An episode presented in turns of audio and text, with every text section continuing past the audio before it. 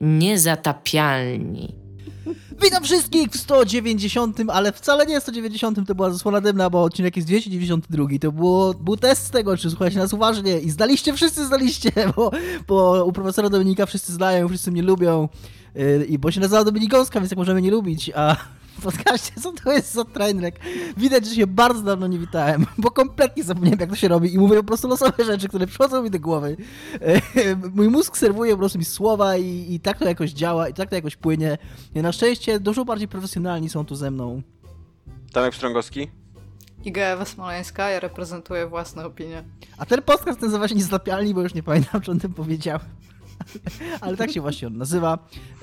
290, 292 jego odcinek to jest. Jest to odcinek newsowy. E, rozmawiać w nim w związku z tym o newsach, a newsy, newsy o jakich będziemy rozmawiać, to Iga nie śmieje się ze mnie. Ja dobrze, dobrze, że widzę teraz, bo mam otwartą listę tematów, dobrze, że widzę teraz tylko twarz Igi z jakiegoś powodu, a nie widzę Tomka, bo, by, bo jakbym widział Tomka, to pewnie widziałbym mega wkurzenie na twarzy. Nie, Oj, tak, się... jest, jest furious.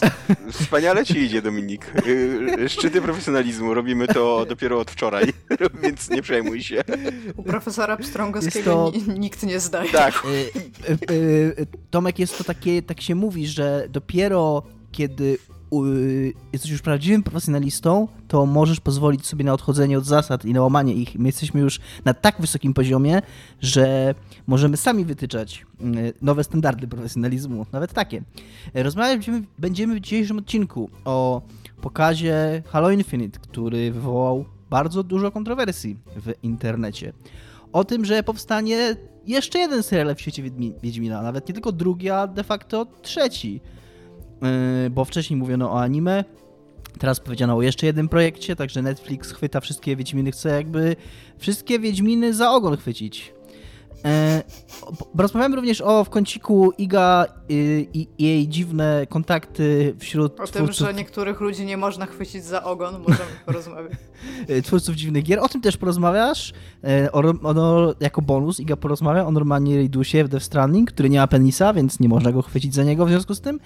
Oraz powie również o tym, że Kojima utrzymuje kontakt z jakimiś ludźmi i jak Kojima utrzymuje kontakt z ludźmi, no to po prostu nie ma E, no nie, nie ma gadanego i coś z tego musi wyniknąć po prostu. I czy wyniknie, co wyniknie, tego dowiecie się tylko u nas i tylko dzisiaj. E, jest to jedyna okazja, także zbierajcie się tutaj e, w kółeczku i słuchajcie naszych wspaniałych opowieści ze świata gier wideo. Jak mi poszło? Fantastycznie. 10 na 10 Dominik. Jeżeli to były nowe standardy profesjonalizmu, to ja teraz czekam jakby na odzew kultury. Musimy w ogóle zmienić skalę profesjonalizmu, żeby do tego... E, Dominik, a może w tym momencie, skoro tak dobrze ci idzie już, to rozpoczniemy Dominik udaje broń kącik i dajesz tak. sygnał? Ty, ty, to jest sygnał udawania broni? Nie wiem, mogę ci zagrać na kazu, bo tutaj mam, ale y, teraz proszę wszystkich ludzi, którzy słuchają na słuchawkach o chwilowe wyciągnięcie słuchawek. No. Bardzo mi się to podoba. A jaką broń będzie Dominiku dawał w tym odcinku? Lancer z... Będzie to Lancer z serii Gears of War. Jest to mi dźwięk bardzo War, znany tak. i bardzo mi bliski do jego sercu, a brzmią tak. Tak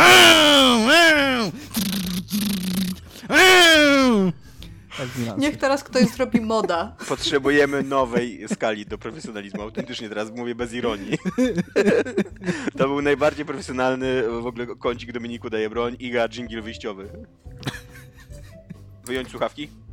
Tak, tak, prosimy wyjąć słuchawki. Włożyć słuchawki. Słuchawki włóż. Jest, słuchawki włóż. No. To co jest e, grane u was, koledzy moi? To może najpierw zaczniemy od dużego tematu, co jest grane, ponieważ wszyscy graliśmy w Cariona nowego. Ja nie, ja nie grałam. Jak nie grałaś? Przecież mówiłaś, że będziesz grać. Bo, bo wiem, bo miałam, ale potem zaczęłam czytać książkę. I miałam, Iga, ja miałam w tym tygodniu lat, w ogóle... Y, pyszczek ci się nie zamyka a propos tej gry, a ja w końcu wyszła i masz ją na moim koncie, to ja jeszcze nie odpaliłaś nawet. Ja, ja, bo ja mam taki problem, że ja w tym tygodniu potrzebowałam ja nawet nie wiedziałam, że ja tego potrzebuję, ale potrzebowałam taki, e, to się nazywa po angielsku self-care week, w sensie taki, gdzie realnie do niczego się nie zmuszam i robię wszystko to i na przykład bardzo dużo spałam. No i jak wzięłam książkę i zaczęłam ją czytać i mnie na tyle wciągnęło, że po prostu usiadłam i przeczytałam książkę, to mi się nie zdarzyło bardzo, bardzo długo. No to tak sobie pozwalałam na takie rzeczy i jeszcze Wiesz, nie Iga, czego pograłam. potrzebowałaś w tym tygodniu? Odrobiny tego profesjonalizmu, który ma Dominik. Odrobiny. No, Dominik niestety, bo skala, znaczy ilość profesjonalizmu na świecie jest stała, o tym bardzo mało ludzi mówi, więc jak Dominik teraz stał się bardziej profesjonalny, to skądś ten profesjonalizm musiał zaczerpnąć i ewidentnie byłam, od, musiałam trochę oddać do puli. Niestety wydawało mi się, że wyrządziliśmy jakieś dobro na świecie, ale Iga wszystko spieprzyłaś i wracamy do starej skali profesjonalizmu po prostu. Bo nie możemy mieć ładnych rzeczy. I teraz bardzo przykro. Tak, Za to tak ja, realnie jest mi ja przykro. jako profesjonalny y, współprowadzący podcastu Niezatapialni grałem w Kariona z pół Trochę, godziny. tak? Czy dużo? No, z pół godziny. I mi się te pół godziny fajnie grało. To ja pół godziny to grałam, słuchaj, we wszystkie dema, jakie były Kariona, to ja jestem w stanie powiedzieć więcej niż Dominik. Nie, bo grałem w pełną grę. Uruchomiłem, No pograłem. Bo w, I grało mi się w to przyjemnie. E, I przez 20 minut się cieszyłem, jak ten ludzik, nie ludzik, taki zlepek czegoś, jakiejś tkanki, biomasy się porusza. E, Tak nie, tam ra- randomowe wokół. Aha, okej, jak ludzik. Dobra, nieważne, nieważne. nie jest- Zapomnijcie, że jestem, przestaję być. Nie, Iga, bądź. E, Nie jestem do końca fanem tego, jak ta gra działa, jakie sterowanie działa na konsoli, ale w miarę przyjemnie mi się grało. No ale po tej pół godziny miałem takie. Nawet, nawet jakoś nie, nie czułem jakiejś takiej ochoty grania dalej. I chyba wydaje mi się, że. Mm, że ten, że bardzo szybko już zaczął mnie uwierać ten brak kontekstu fabularnego. To było, to, ta gra to jest taka zabawka i ja się nie upawiłem pół godziny, przestałem w nią grać i jakoś w ogóle nie czułem ochoty powrotu do niej. Nie ułatwia tego fakt, że pi, pi, pi, pi, pi, pi, pi, Kowal Watch, e, że jak zauważył Michał Kowal, kiedy rozmawiałem z nim dzisiaj o tej grze, to jest gra, do której bardzo trudno wrócić, jak się w nią dłu- dłuższych, dłuższy kawałek czasu nie grało, powiedzmy To tydzień prawda. przez to, że to jest Metroidvania, w której nie ma mapy.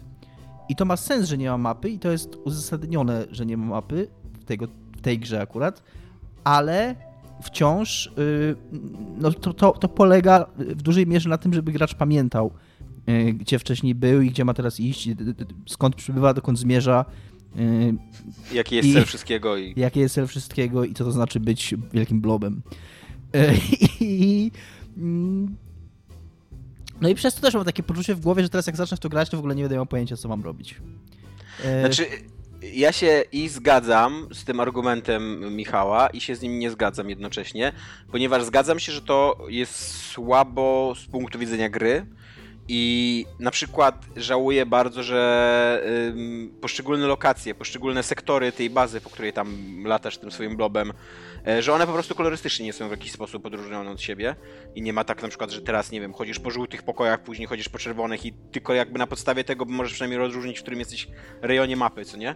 E, To po pierwsze, a po drugie też nie do końca rozumiem, znaczy wydaje mi się, że to jest jakieś oszczędzanie pamięci, ale e, taką konstrukcję mapy jako nie przesuwanie ekranu razem z bohaterem, tylko po prostu takie statyczne ekrany, z których skaczesz jakby, nie wiem, cała mapa była takim zbiorem po prostu e, kwadratem złożonym z takich mniejszych kwadratów i ty przeskakujesz z tych kwadratów z Znaczy, szczerze mówiąc, y, nie mam pojęcia tak naprawdę, ale intuicja podpowiada mi, że gdyby to była gra na Super Nintendo, to może chodziłoby o oszczędzanie pamięci, ale w dzisiejszych czasach jest to raczej decyzja z- artystyczna niż... Może niż... tak, chciałbym zauważyć, że ta gra zajmuje 100 mega i To, jestem to jest bardzo super, bo Jestem pod mega wrażeniem, autentycznie. Po prostu to jest, kurde, cholernie imponujące, żeby gra, która wygląda tak ładnie, która ma tak zajebisty sound design, żeby ona zajmowała, kurde, 100 mega. I która trwa tam 5 godzin, więc to jest tam uczciwy kawałek rozgrywki, co nie? Jakby jest, jest tam trochę tego kontentu.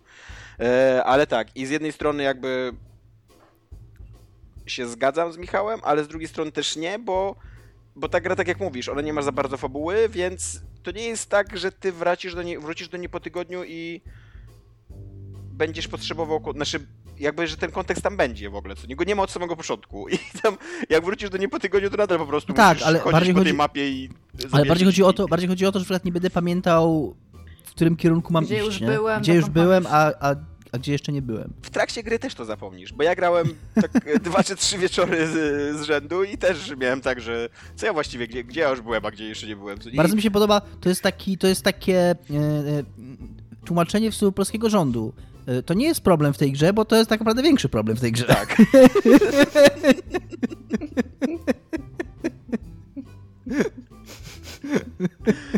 E, No i niestety dla mnie e, największy problem tej gry to jest cały czas sterowanie, na które już narzekałem po demie. I tak jak Dominik mówi, jak ja grałem 5 godzin tą grę, to na padzie się gra bardzo źle, Właśnie na chciałam myszce się powiedzieć, gra- żebyście podkreślili, że we dwójkę graliście na padzie. A na Tak. my, ja grałem też na myszce, bo grałem na PC, więc się przełączałem. Na myszce się gra ciut lepiej, ale nie dużo lepiej. Nie, nie, nie zauważyłem jakiejś znaczącej różnicy. Znaczy, zauważyłem, okej, zauważyłem różnicę, ale nie jest tak, że nagle mi się zaczęło grać przyjemnie, co nie? Yy, I to, co się dzieje na mapie, czasami jest tak dużo przeciwników i tak dużo zagrożenia, a ten, ten blob, nawet jak jest w naj- najpotężniejszej formie, to on nie jest wcale taki nieśmiertelny, co nie? To nie, jest wcale taki potężny. Nadal bardzo łatwo jest umrzeć, jak są tam e, mechy, na przykład w boju, albo ko- kolej z miotaczem ognia, to nadal jesteś dosyć wrażliwy na obrażenia, co nie? I kurde, dziesiątki razy miałem taką sytuację, że po prostu każę mojemu blobowi coś zrobić, a on robi coś zupełnie innego, bo na mapie, na planszy jest za dużo aktywnych elementów i zamiast złapać kolesia z miotaczem ognia, to złapałem jakąś Tak. kratkę przypadkową, albo jakiegoś trupa obok, e, albo chciałem zabić człowieka, ale jakby mój blob złapał coś innego i ten człowiek, którego rzuciłem na drugi koniec planszy przeżył i nagle wstaje i strzela do mnie ze strony, z której się w ogóle nie spodziewałem. I z jednej strony jakby za pierwszym, drugim, trzecim razem to jest jeszcze fajne, bo daje tak, taki chaos jakby właśnie horrorowy, ale za dziesiątym, dwudziestym razem już po prostu bym chciał, żeby gra robiła to, co ja bym chciał, żeby ona robiła, a nie robiła cokolwiek. wiesz co, może, może, mo- może ci wszyscy ludkowie, którym rzucasz o ścianę i wstają i do ciebie strzelają, to są ci protagoniści, którzy niby umarli 15 minut temu, ale teraz przychodzą i do ciebie strzelają, nie? Jak jesteś tam alienem albo czymś takim, więc może to, może każdy z nich po prostu takim jest ludzikiem. Może tak. Czyli co, polecacie czy nie polecacie? To jest bardzo trudne pytanie dla mnie, bo...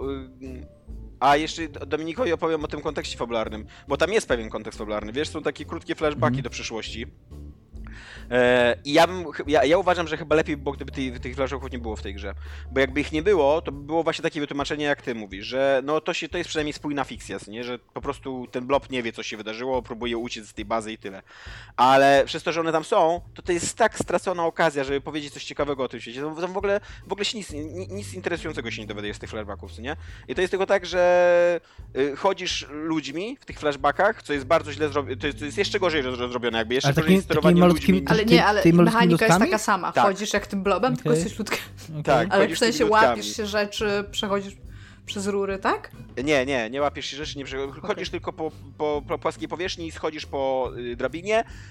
Nie jestem pewien, czy ktokolwiek, kto pracował nad tą grę, z, grą, zdaje sobie sprawę, jak ludzie się poruszają po drabinie, ponieważ nie poruszają się tak jak w tej grze po drabinie ludzie. I jest to strasznie niewygodne i strasznie irytujące, e, że musisz tam chodzić po tych drabinach.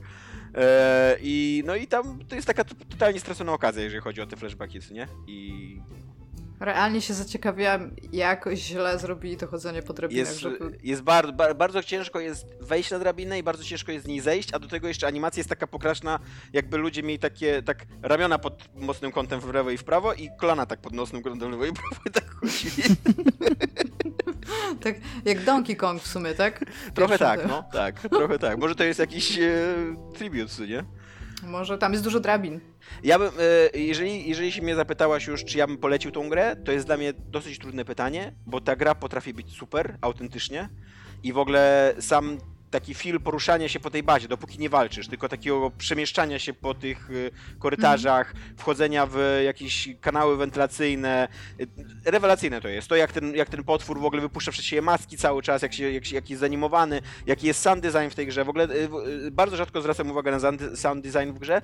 Tutaj jest rewelacyjnie ta gra brzmi. Autentycznie naprawdę to jest jedna z najlepiej kurde brzmiących gier, jakie grałem od bardzo dawna. Jakby trudno mi sobie przypomnieć. To jest taki sound design na poziomie moim zdaniem Gwiezdnych Wojen, co nie?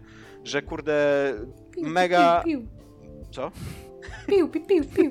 No nie, że, takie, że są takie dźwięki, że od razu wiesz, jakby e, nie dość, że rozumiesz, to jeszcze wydaje mi się, że będę je kojarzył z tą grą bardzo długo, co nie? Te, Mhm. te, te, te konkretne dźwięki, co nie? E, Ale z drugiej strony ilość irytacji, jaka mnie spotkała w pięciogodzinnej grze, jak, jak w pięciogodzinną grę przerywałem ze 4-5 razy, bo byłem nią zbyt zirytowany, no to to jeszcze kurde przerywanie gry co kilkadziesiąt minut, co nie? No, Więc, y, więc jestem czyli pół na pół. trochę. Y, Dla miłośników gatunku byś polecił? Ja dałem 6 na 10 w swojej recenzji i nie wiem, czy nie byłem trochę zbyt y, surowy, ale tak się czułem akurat po skończeniu tej gry.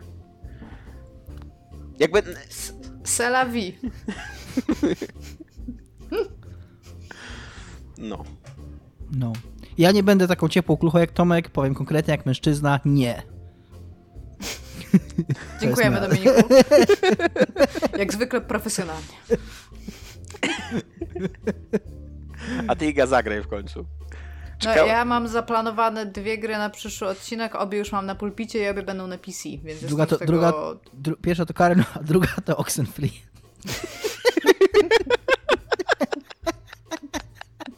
Jaki burn w ogóle. Halo, Kraków, oddział poparzeń.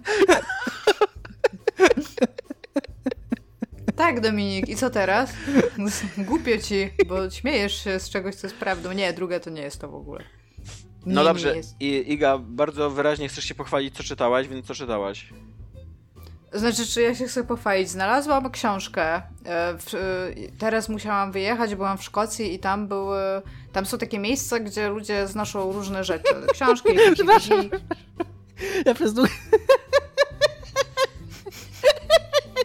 Jesus. Chyba profesjonalizm do levelu 11 już przeskoczył. Ja, ja myślałem, że ty mówisz tytuł tej książki. Ja czytałam ostatnio taką książkę, pojechałam do Szkocji, znalazłam coś tam, i takie, co za dziwaczny tytuł i tam dopiero... I dopiero... Nie, nie, Dominik. Przepraszam.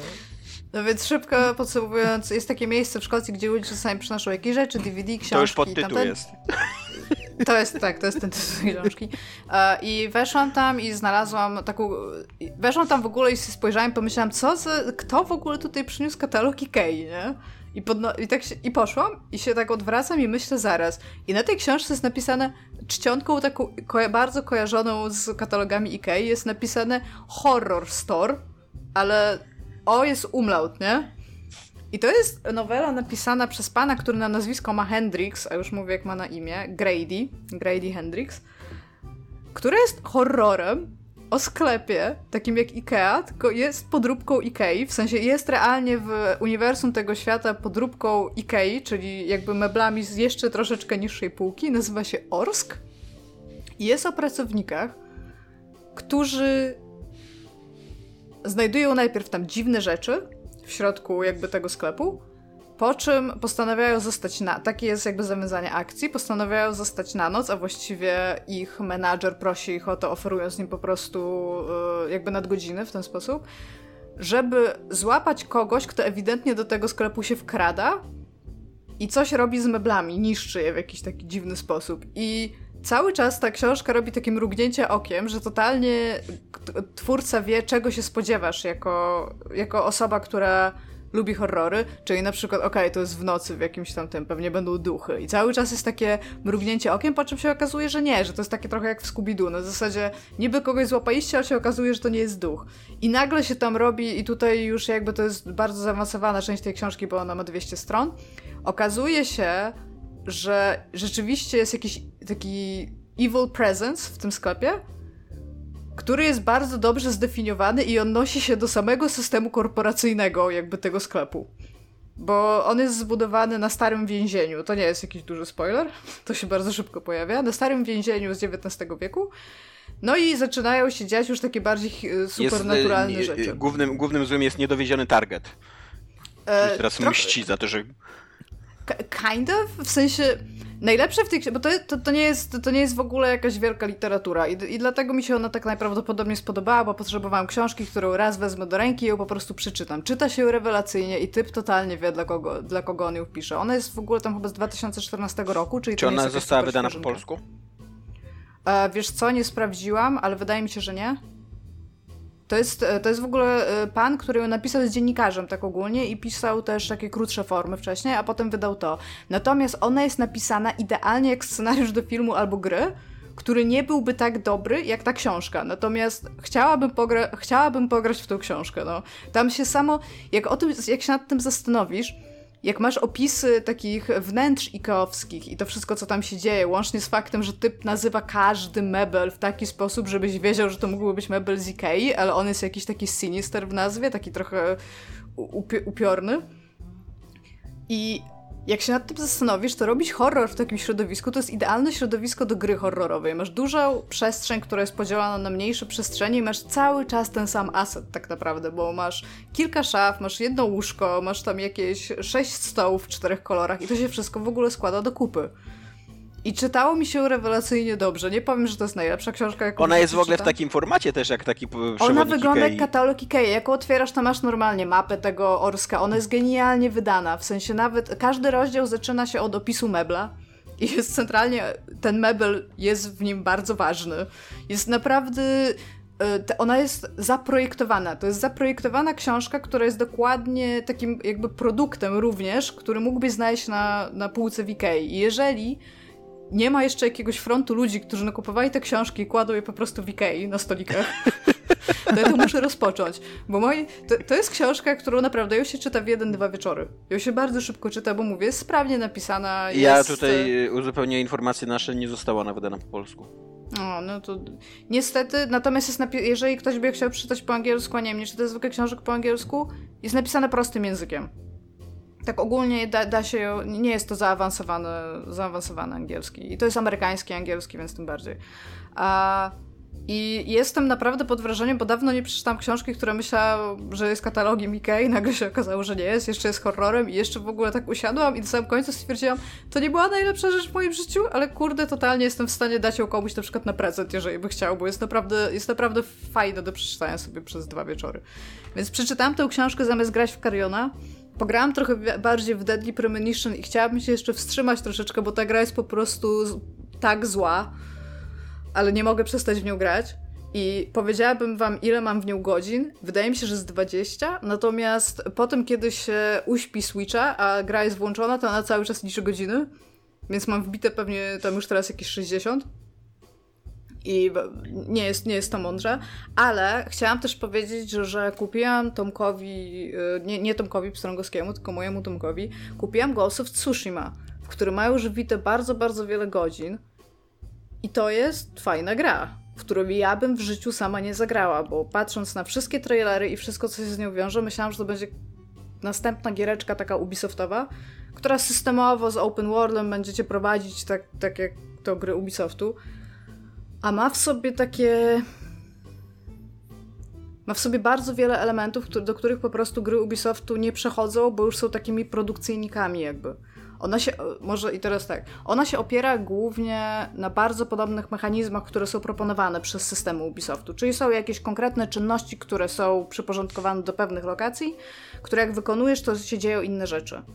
Natomiast walka w niej jest bardziej Dark Soulsowa, w sensie opiera się realnie na hitboxach, i przez to, że ona jest tak bardzo ugruntowana w tej kulturze japońskiej, niestety w kulturze japońskiej znaną prze, znanej przez zachodnich jakby na, nasz krąg, więc to jest taka trochę pop kultura japońska, e, ma bardzo dużo elementów, których gry Ubisoftu po prostu nie mają. Kombat jest naprawdę bardzo fan, przede wszystkim dlatego, że jesteś samurajem i realnie korzystasz z technik samurajskich, które są bardzo fajnie przeniesione na mechaniki. Jest taka mechanika standoffu, gdzie musisz czekać, aż twój przeciwnik pierwszy ciebie zaatakuje, bo żebyś zadał jeden cios i go nim zabił. I to jest zrobione na zasadzie takiego trochę quick time eventu, ale który ma totalnie sens, bo jak go sfailujesz, to jakby wciąż możesz wygrać tą walkę. Iga. Przy okazji gra ma iga, mega iga, dobrą iga, mechanikę w pisanie haiku. Iga, Iga, Iga, Iga. Słucham? Czy grałaś dwa ostatnie Assassin's Creed Odyssey i Assassin's Creed Origins? Nie, y, grałam na tyle i widziałam u ciebie, że ta walka to jest po prostu nic w porównaniu Ale tylko na, nie chcę nic takiego powiedzieć, ale chciałem powie tylko sprostować, mm że, że od dwóch odsłon Assassin's Creed też ma walkę opartą na hitboxach już. Tak, ale wciąż jakby, wiesz, tak, nie, nie powiem, że nie, bo to jest fakt, to już nie jest taka walka jak wtedy, ta walka jest taka bardziej precyzyjna. Ja bym ją mhm. bardziej porównała do takich hitboxów, może nie już jak masz w tych e, w fighting games, gdzie one są już tam jakieś ten, albo właśnie tak jak są. To, to jest realnie, jeżeli ktoś, jeżeli jest jakaś rzecz na twojej drodze, jeżeli stoi tam beczka i za, nią, za tą beczką leży typ i ty chcesz go, nie wiem, dźgnąć i twój miecz trafi na beczkę, to on się na tej beczce zatrzyma. A jak beczka jest czerwona, to wybuchnie. Właśnie nie ma, nie ma, ale są wybuchające strzały i od czasu... Yy, przejścia The Last of Us 2 sądzę, że każda gra, która ma wybuchające strzały, to jest automatycznie plus jeden in my book, więc Ghost of Tsushima ma, ten plus jeden. E, gra na tobie w ogóle nie wymusza stealtha, i tutaj mam, to, to jest taki trochę minus, bo mm, jest kilka rzeczy takich fabularnie, które się dzieją, bo gra fabularnie, jesteś synem samuraja, którego zabijają, dlatego, że na wyspę Tsushima, która jest realnie wyspą japońską, nie, nie, nie wiem, czy to jest wiedza ogólna, ale jest realną wyspą japońską, jest e, któryś z ataków Mongołów, które się tam działy po prostu. I ty masz takie jakby dwie historie splecione w jedną. Oni zabili twojego ojca, więc ty uczysz się pod, pod swoim wujem na, na również na samuraja i on ci y, jakby stara się przekazać wszystkie zasady bycia samurajem, cały kodeks Bushido i tam whatnot. I ty się mścisz jakby na Mongołach za to, że zabili twojego ojca, ale przy okazji też musisz uratować swój, swoją wyspę po prostu przed Mongołami, którzy ją najechali którzy plądrują wioski, palą je, biorą ludzi w, jako zakładników, kradną kobiety, kradną jedzenie, jest bardzo dużo głodu tam w tym momencie przez to, że jest wojna. I ona jest taka bardzo ugruntowana w tym. To zło, które wyszło z dziury, jest bardzo realne tam, ale też przy okazji to nie jest jakieś takie metafizyczne zło, które tam wyszło z tej dziury, tylko to są ludzie, który, z którymi normalnie stajesz tam jakoś w szranki i jesteś w stanie ich pokonać. Natomiast budujesz przez cały czas swoją taką legendę samurajską. Budujesz ją przez bardzo wiele rzeczy, również jako, być, jako, jako poeta bo ludzie cię tam rozpoznają po pewnym czasie jako osobę, która pisze haiku. I coś miałam powiedzieć. Aha, i ta w ogóle, ta gra rozpoczyna się od najbardziej epickiej sceny walki, bo zaczyna się od tego, że są dwie armie, takie, takie jak w Blizzardach i wszystkich innych tych, na dwóch wzgórzach.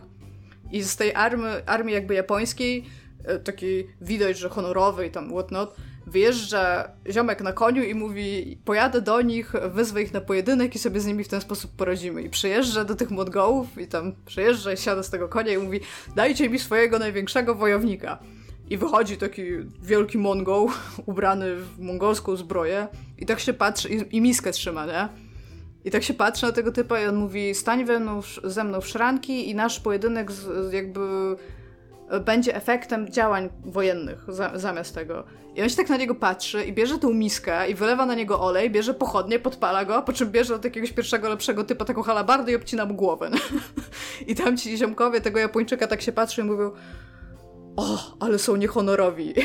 I w tym momencie ty razem z większością ludzi, którzy tam byli konnych, biegnie, je, jedziesz jakby na nich i tam się zaczyna jakby cała fabuła. Więc ono jest od samego początku tak naprawdę do tego momentu bardzo w tych realiach, które tam były i bardzo y, pozwala ci odgrywać swoją postać, natomiast mam z nią jeden problem i Tomek też ma z, nim, z nią jeden taki problem, że twój wuj od razu ci mówi, że y, jeżeli zabijasz kogoś jak, jak tchórz, czyli napadasz go tam gdzieś w lesie, albo strzelasz mu w plecy, albo coś takiego, to to jest bardzo niedobrze i tak nie można, bo to nie jest droga honoru i droga samurajów i powinieneś zawsze stawać z ludźmi w pojedynki. I na to też jest postawione jakby bardzo dużo mechanizmów, że ktoś musi się zobaczyć, żebyś go mógł wyzwać i wtedy się dopiero bijecie.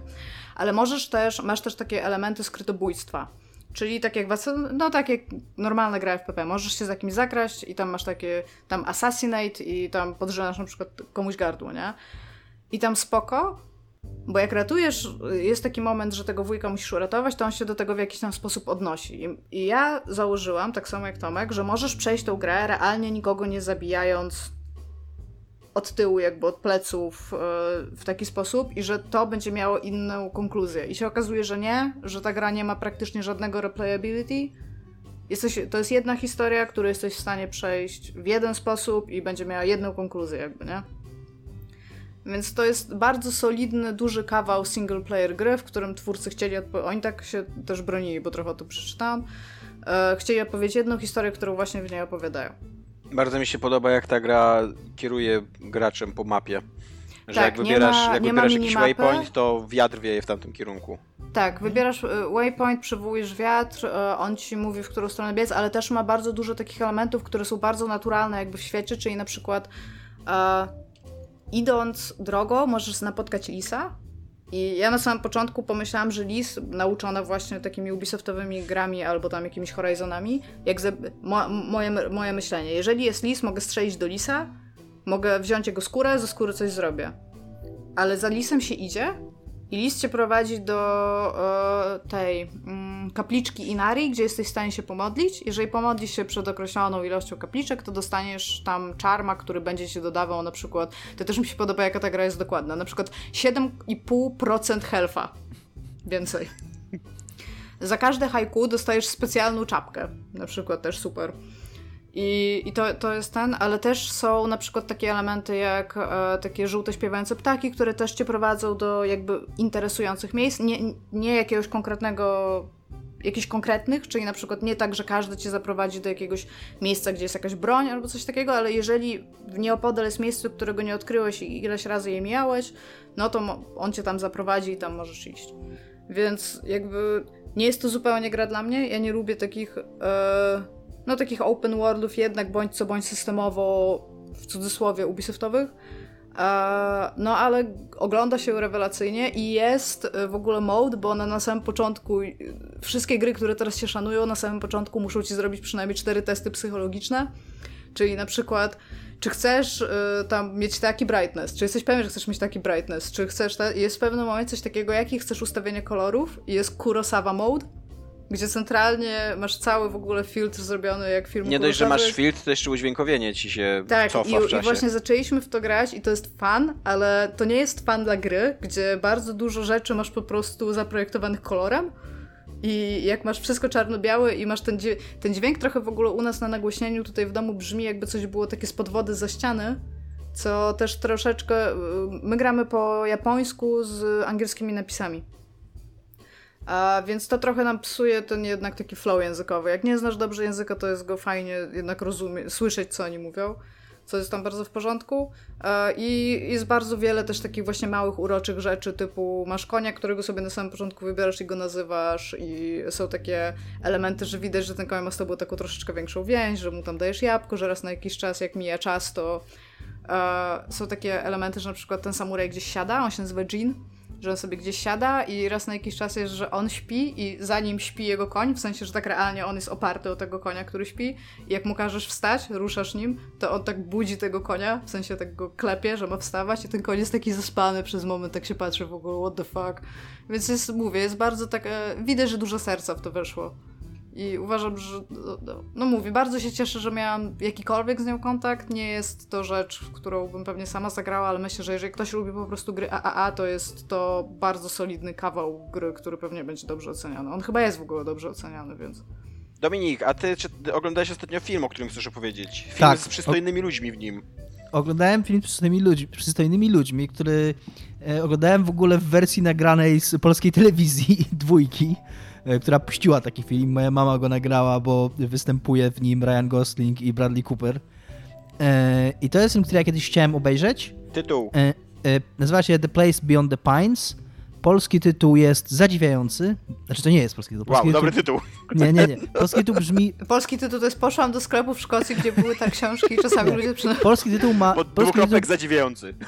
Polski tytuł brzmi Drugie oblicze i o ile ja rozumiem trudność przy tłumaczeniu oryginalnego tytułu, które jest e, jakimś tam w ogóle tłumaczeniem e, nazwy miejscowości, w której się to toczy z języka e, autochtonów na angielski i że ktoś mógł nie, i to by źle brzmiało po polsku, więc ktoś wymyślił inny tytuł, ok? Tylko, że oprócz tego, że ten tytuł Drugie oblicze nie ma nic wspólnego z oryginalnym tytułem, to on również nie ma kompletnie nic wspólnego z tym filmem. Znaczy on, on kompletnie jakby w żaden sposób nie, nie, ma, nie istnieje żadna relacja pomiędzy tym, co się w tym filmie dzieje, a tym tytułem. To jest po prostu... To jest po prostu... Wiecie, jak ja bym go nazwała? Ja nie wiem, co to za film, ale to jest mniej więcej, że można sobie wymyślić jakikolwiek tytuł, na przykład Tylko miłość? Znak zapytania. Tak, no, to to jest coś takiego. No jest to film, e, e, o którym się trochę mówiło e, Tak. wtedy, kiedy on wyszedł. I ja pamiętam, że takie było raczej, e, bo on wyszedł niedługo po Drive i chyba było takie oczekiwanie, że to będzie drugi Drive.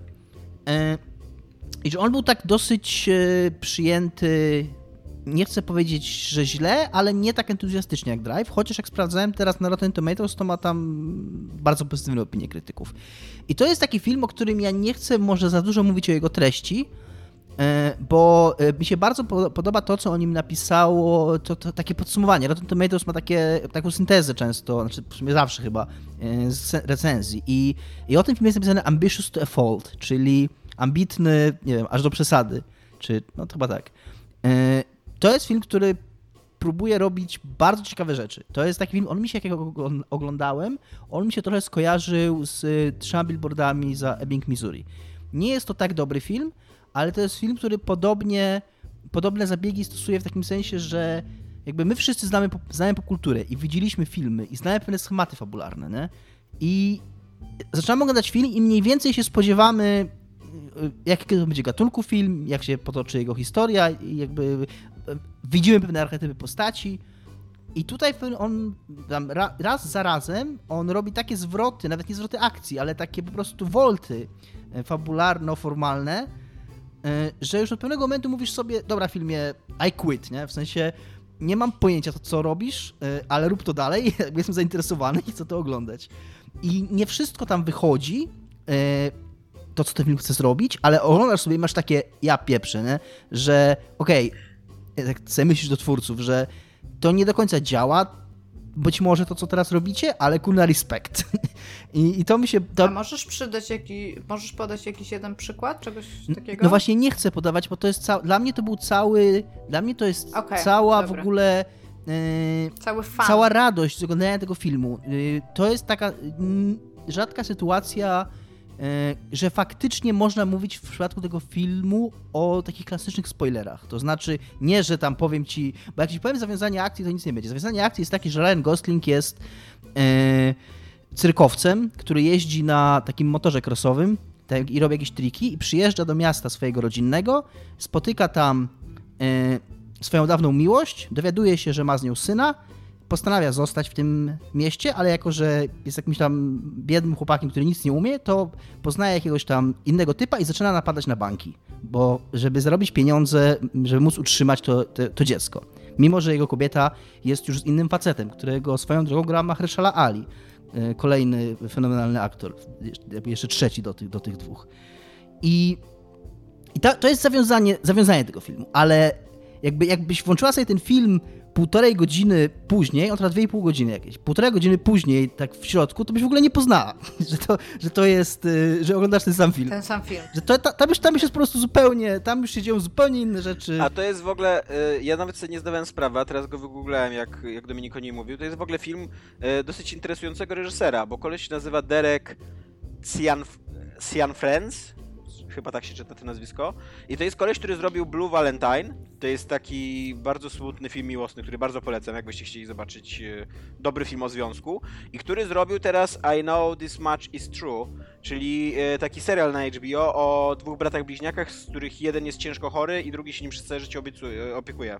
E, jeden jest ciężko, tam chyba ma jakąś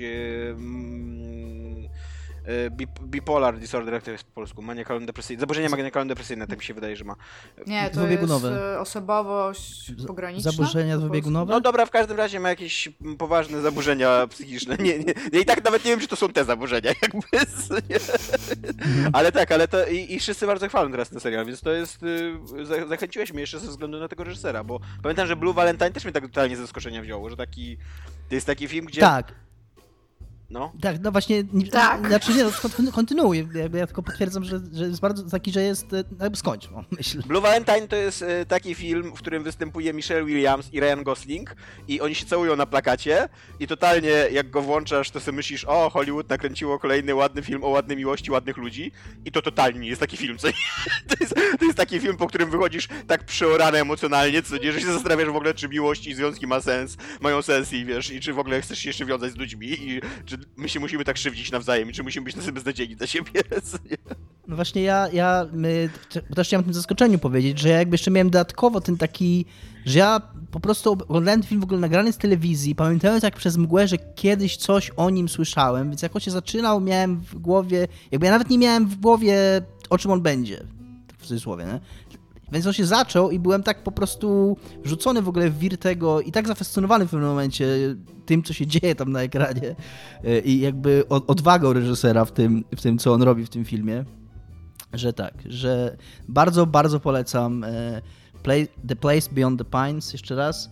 E, nie wiem, czy jest gdzieś na VOD, na jakimś VOD owsiany to znalazł, bo mu też polecałem, ale nie ma tego ani na Netflixie, ani na HBO. E, ja tu jeszcze szybko się do, do polecajki filmowej dorzucę, bo obejrzałem ostatnio film Makowe Wzgórza, który jest z kolei na Netflixie, więc łatwizna go obejrzeć. Nie, nie, nie jestem takim e, e, hipsterem filmowym jak Dominik. Makowe Wzgórza to jest animka od studia Ghibli, którą wyreżyserował i tutaj jest taki plot twist, nie ten Heio Miyazaki, tylko jego syn Goro Miyazaki. I to jest taka, to jest tak, taka pocztówka, taki, takie spojrzenie na moment historyczny. Iga, dlaczego się śmiesz? No, typ się nazywa Goro Miyazaki, więc ma cztery ręce i zrobił Dark Souls. Tylko, tylko tyle, no. E, to jest taka trochę pocztówka z historii Japonii z 1964 roku. To jest mniej więcej ten okres, kiedy Japonia wychodzi z tego takiego momentu odbudowywania się po wojnie. Cały czas jest żywa trauma po II wojnie światowej, cały czas jest żywa tra trauma po wojnie w Korei, w której Japończycy też brali udział, ale jakby w kraju jest coraz lepiej i widać, że jakby jest dobra przyszłość przed tym krajem leży, że, że, że, że wchodzą na dobrą ścieżkę tego szybkiego rozwoju, która się tam skończy dopiero w latach 80. no, technologia tam tak, dokładnie, nie? bardzo duży boom. No i to jest taki, taki 64 rok, zaraz będzie Olimpiada, która też jest takim jakby um, symbolicznym wydarzeniem dla Japonii, że oto tutaj właśnie, wiesz, wchodzimy z powrotem do tej takiej wspólnoty państw, które y, jakby się lubią i szanują nawzajem. I to jest y, takie kilka tygodni z życia nastolatki, której ojciec zaginął na morzu i która cały czas tam wywiesza flagi, żeby jakby oddać mu jakiś hołd i, i oczywiście e, jest też chłopiec, który pływa na, statka, na statku i wywiesza flagę jakby w, w pozdrowieniu, nie? I jakkolwiek jest tam taki y, nie narzucający się wątek y, romantyczny pomiędzy oczywiście tą dziewczyną i tym chłopakiem, to to jest w ogóle tak subtelny film, tak fajna właśnie taka posztówka z, z pewnego momentu w historii, nie? W którym, w którym po prostu się dzieje życie ludzi, którzy mają jakieś tam swoje cele, jakieś swoje motywacje, ale jakby dużo ważniejsze jest to, że oni żyją w danym momencie, w danym miejscu, bo to się dzieje w Yokohamie jeszcze i, i po prostu jakby masz, ma, masz taki, te, te, te, zaglądasz przez dziurkę do glucza i y, na, na, na ten, wiesz, i, i, oglądasz taki, taki kawałek z historii Japonii. I mega fajny jest ten film. I Iga, jak ty miałeś teraz taki okres, że chcesz przyjemnie spędzać czas, to to jest właśnie taki, taki film, w którym się po prostu ja bardzo już. miło... On, on, w ogóle żadnych negatywnych emocji nie wzbudza, to, to, to jest absolutnie fajne. Mimo, że jakby to nie jest tak, że on nie porusza poważnych tematów, nie? Tylko on po prostu pokazuje, że życie to jest życie i w życiu dzieją się rzeczy i później się dzieją inne rzeczy i, i, i ten... A... Nie, nie na wszystko mamy wpływ, go with the flow, tak. lata 60. E, a e, lubię ten film jeszcze również dlatego, że to jest właśnie film e, Goro Miyazakiego, który przez całe życie tak się wydaje, że mógł żyć w cieniu swojego ojca, wielkiego reżysera i w pewnym momencie on też zapragnął robić filmy animowane i pierwszy film, jaki on zrobił, to były opowieści z Ziemi Morza na podstawie powieści Ursuli Le Guin. I to była bardzo ambitna potężna porażka. Jakby e, ja bardzo cenię bardzo, bardzo mi się podobało, że to była bardzo ambitna porażka. Tak, no bo, no bo tak, ja, ja bardzo cenię go za, za chęć zrealizowania tych powieści, ale nie dość, że te powieści są bardzo trudne do zrealizowania, bo one są bardzo symboliczne i bardzo filozoficzne i takie bardzo niefilmowe, to jeszcze on totalnie nie miał pomysłu, jak to zrobić. I to jest który się rozpada, który nawet jak ja bym chciał go lubić, bo bardzo lubię te powieści i bardzo lubię Studio Ghibli, to bardzo ciężko jest mi go lubić. Ja lubię poszczególne fragmenty tego filmu, I, e, I on miał, on w ogóle ten Goro był w konflikcie swoje, ze swoim ojcem o ten film, bo ojciec uważał, że to jest zbyt, zbyt duży kawałek jakby kultury do ugryzienia dla reżysera, który dopiero co wchodzi jakby w, w, ten świat robienia filmów. I trochę się wręcz, taka jest legenda, że trochę się wręcz ten y, ojciec na niego obraził za to, że, że Goro zrealizował ten film. A z kolei właśnie Makowe Wzgórza to jest drugi film Goro Miyazakiego, który jest z kolei moim zdaniem y, takim właśnie takim idealnym filmem dla reżysera drugiego filmu, taki, taką, taką małą historią, zgodną z ambicjami twórcy, który jeszcze nie ma wielkich osiągnięć i do tego jeszcze Miyazaki ojciec się wtedy pogodził z tym synem, oni współpracowali razem. Jeszcze jest taka właśnie fajna i ten film się okazał dużym sukcesem, tam zebrał nagrody i tak dalej, więc jeszcze jest taka, taka miła otoczka wokół tego filmu. więc tak, jakbyście chcieli, to na e, Netflixie jest, jak wszystkie filmy chyba Ghibli. Ja chcę teraz. Sorry, idę obejrzeć film, nara. Ja chcę obejrzeć ten film, o którym Dominik mówił. Totalnie. To, to skończmy nagrywać, chodźmy, chodźmy pooglądać film. Ponieważ dzisiaj osiągnęliśmy już szczyty profesjonalizmu, już lepiej być nie może. Nie, ale Dominik, ty mi powiedz e, przede wszystkim o co chodzi z e, internetem i Halo. Bo ja myślałem, że jak Microsoft w końcu pokaże Halo, to wszyscy w ogóle wybuchną, bo ludzie uwielbiają Halo, ja nie rozumiem dlaczego, a Microsoft pokazał Halo i ja sobie nawet pomyślałem, hmm, nawet to ciekawie wygląda, nawet dynamiczna jest ta walka. Nawet, nawet bym sobie pograł, tak, no, tak, bo przede wszystkim jakby te sceny akcji, które tam są, to są w końcu takie jakieś w miarę dynamiczne, co tam się dzieje, co nie, gdzie tam piu-piu. A nagle ludzie w ogóle nienawidzą tej gry. Więc tak, ja ci wytłumaczę po pierwsze, dlaczego ludzie kochają se tą serię i dlaczego ja ją też, może nie kocham, ale ja nie jestem żadnym fanboyem, grałem w sumie w czwórkę i piątkę, tylko w te dwie ostatnie. E, I, i o, to jest dokładnie ten powód, dla którego powiedziałeś. To są jeden z ostatnich strzelanek, yy, takich wysokobudżetowych AAA, yy, które są tak, tak bardzo nastawione na fan. I to jest aż w takim, za chwilę będę mówił o sednie, ale aż w takim kontraście, że masz to, jak się ten, ten pokaz, ten 8-minutowy gameplay, o którym będziemy mówić, zaczyna, to masz taką bardzo dramatyczną, epicką cutscenkę, jak tam Master Chief leci, oni gadają w ogóle o, o przetrwaniu mm. ludzkości. Potem, po czym wyskakujesz i strzelasz do kolorowych ludzików, które tak. śmiesznie biegają, tam popiskują sobie, to wszystko I, kolorowe. I jest kolorowe... zaskakująco dynamiczna ta walka, bo ja do tej pory tak. Halo raczej, raczej kojarzyłem z takim, z takim statycznym strzelaniem, że raczej głównie stoisz i... Nie, e, właśnie totalnie nie, właśnie nie? totalnie nie. To są, to są, to zawsze były gry, które bardzo stawiają na takie, na takie, na takie doświadczenie strzelanki w starym stylu, czyli duże areny, takie dużo strajfowania, biegania, strzelania. To są gry na przykład, które, w których, w których bardzo jakby chyba jako ostatnia w ogóle seria strzelanek FPS, e, okopały na stanowisku przeciw, przeciw Ironsightowym i nie ma w tych grach w ogóle Ironsighta, że one w ogóle nie są nastawione właśnie na takie przycelowywanie, chowanie się, tylko one są nastawione na strzelanie, bieganie, unikanie, takie wyskoki i tak dalej, nie?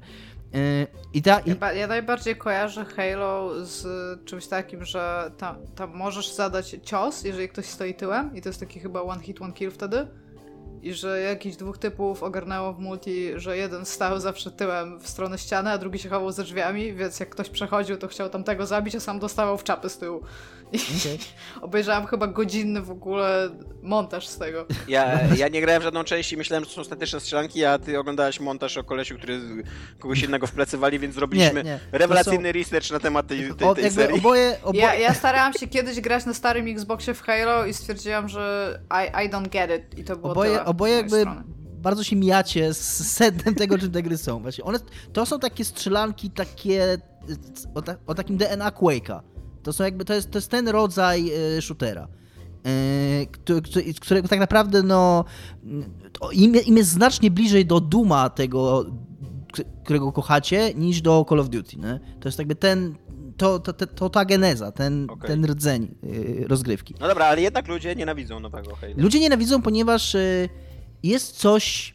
Mm, ja też, mi też się to podoba, jak oglądałem ten gameplay, tylko z tym, że ja go już oczywiście oglądałem z tym narzutem, wiedząc już jaka jest reakcja, więc być może jakbym go oglądał na żywo, też miałbym takie, że to nie wygląda za fajnie, bo to gra wygląda Średnio. Znaczy yy, technicznie, bo generalnie ona mi się nawet podoba, jak, wygląda, jak to wygląda. Jakby, jak, jakby mi to dano teraz do grania i bym w nią grał, to bym miał takie, okej, okay, to jest spoko. No ale jak mam teraz zrobić analizę i czy to gra wygląda jak następna generacja, bo teraz wszyscy, wiesz, yy, pokazują nowe konsole i ta gra była yy, jakby punktem w ogóle yy, takim honorowym pokazu, nie honorowym, yy, nie, nie, honorowym, no, no kluczowym punktem. Taki gwóźdź programu. Takim gwoździem programu na pokazie gier na, na nową konsolę Microsoftu, Xbox Series X, nie?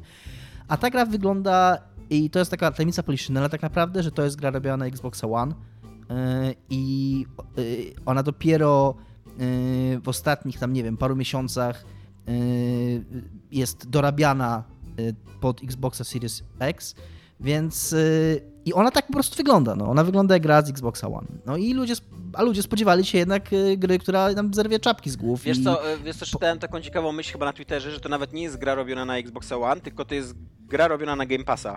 Czyli ona musi być na starego Xboxa One, musi być na nowego Xboxa One, musi być na Xboxa Series X i musi być jeszcze na średniej jakości pecety, na których też jest Game Pass i na dobrej jakości Tak. pecety i tak. Jakby musi dużą, y, duży spektrum sprzętu To się, również, nie? to, się również, to się również bardzo skleja z y, plotkami, które krążą od paru dni w internecie, które y, pierwszy opublikował jakiś sklep y, e, internetowy, później zdjął, a później potwierdził to jakiś, jakiś użytkownik chyba Twittera, w każdym razie jakiś tam insider znany z, y, z wcześniej z y, podawania sprawdzonych informacji, znaczy sprawdzających się informacji o serii Halo, że, że multiplayer w Halo, Infinite ma być free to play, czyli że ma być wydzielony i, i dostępny. I, I tak samo, jeżeli robi się grę free to play, to wiadomo, że ona jakby je- jest w dół równana technologicznie, czyli bo chcesz, żeby jak najwięcej ludzi grało, kupowało te mikrotransakcje i tak dalej. Nie? Więc no to, to jest tak naprawdę główny problem. Nikt nie ma zarzutów do gameplayu, wręcz właśnie wszyscy mówią, że Wszyscy raczej do grafiki. Tak, ten tak. gameplay ten gameplay, jest nadważny. raczej wszyscy mówią, że, że właśnie gameplay wygląda fun, bo ja też tak uważam. To Mi też się ja, podoba, tak. ja bym grał w tą grę, y, ale, ale wizualnie ona wygląda. y, nie, nie chcę powiedzieć kiepsko, ale to nie wygląda jak gra na nową generację. Ona wygląda jak na tą generację. Ale jest I to trochę, mnie w ogóle strasznie zdziwiła ta reakcja. Jest taka na maksa żywiołowa, jakby ludzie już, nie wiem, chyba są tak spragnieni tej nowej generacji jakichś takich wodotrysków i że nawet jak im pokazujesz kolejną część lubianej marki, która wygląda ok, nie wygląda jakby rewelacyjnie, ale wygląda ok, no Tak. to nagle w ogóle jest jakieś gigantyczne rozczarowanie, jakiś odzew ten, ten negatywny jest tak wielki, że to niesamowite. Tak, to prawda. Nie wiem, ja wam powiem tak, jak mi, ja to oglądałam live, więc jak to zobaczyłam, nie znając reakcji, pierwsze co stwierdziłam to jest, o mój Boże, co się stało, gdzie są tekstury, gdzie jest oświetlenie, co Znaczy, ogóle, problem- O co chodzi z modelami tych postaci, kto to, co, co to jest w ogóle, czy to jest na serio? I ja pomyślałam wtedy, ej, a być może to jest realnie, tak jak macie zawsze napisane, że to nie jest not final footage i że tam to, co to, to jest pokazane, nie jest e, jakby świadectwem tego, co będzie potem w grze, to stwierdziłam, może to jest pierwszy po prostu normalny trailer gry, która działa i, i wygląda. Bo zawsze są tak podpisowane wszystkie inne rzeczy, że może, może o to chodzi, że tak bardzo długo, dużo nas oszukiwali. Po czym po prostu stwierdziłam, może grafika ma być informacyjna bardziej niż jakakolwiek inna. Po czym stwierdziłam, nie znam się na Halo, ale nie podoba mi się jak to wygląda. Są, dwie, są, są tutaj dwie rzeczy, o których trzeba wspomnieć. Yy, Po pierwsza jest decyzja Bungie, bo Bungie podjęło bardzo świadomą decyzję, żeby nawiązać w tej grze, yy, powrócić do, do stylistyki Halo 1. Że ta seria w, swojej, w swoich początkach była właśnie ko- kojarzona z taką kolorową, raczej prostą, taką właśnie taką informacyjną grafiką, yy, żywymi barwami. Yy, Ale i- tego i nie jakby- robi Bungie, to tutaj po prostu nie, Przepraszam, Free for Free, przepraszam, oczywiście, Free for Free. Robiło Bungie jedynkę, Tak. a Free for Free powrócić do tej tradycji Bungie.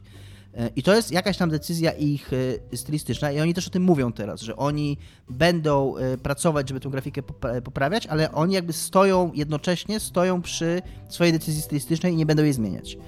E, A drugą kwestią jest, i jest bardzo fajny materiał Digital, Fo- Digital Foundry, który jak większość materiał, materiałów Digital, Found- Digital Foundry nie zrozumiałem w całości, e, ale oni tam dosyć wnikliwie tłumaczą, z czego wynika to, o czym powiedziała Iga, czyli te Dynamicznego oświetlenia.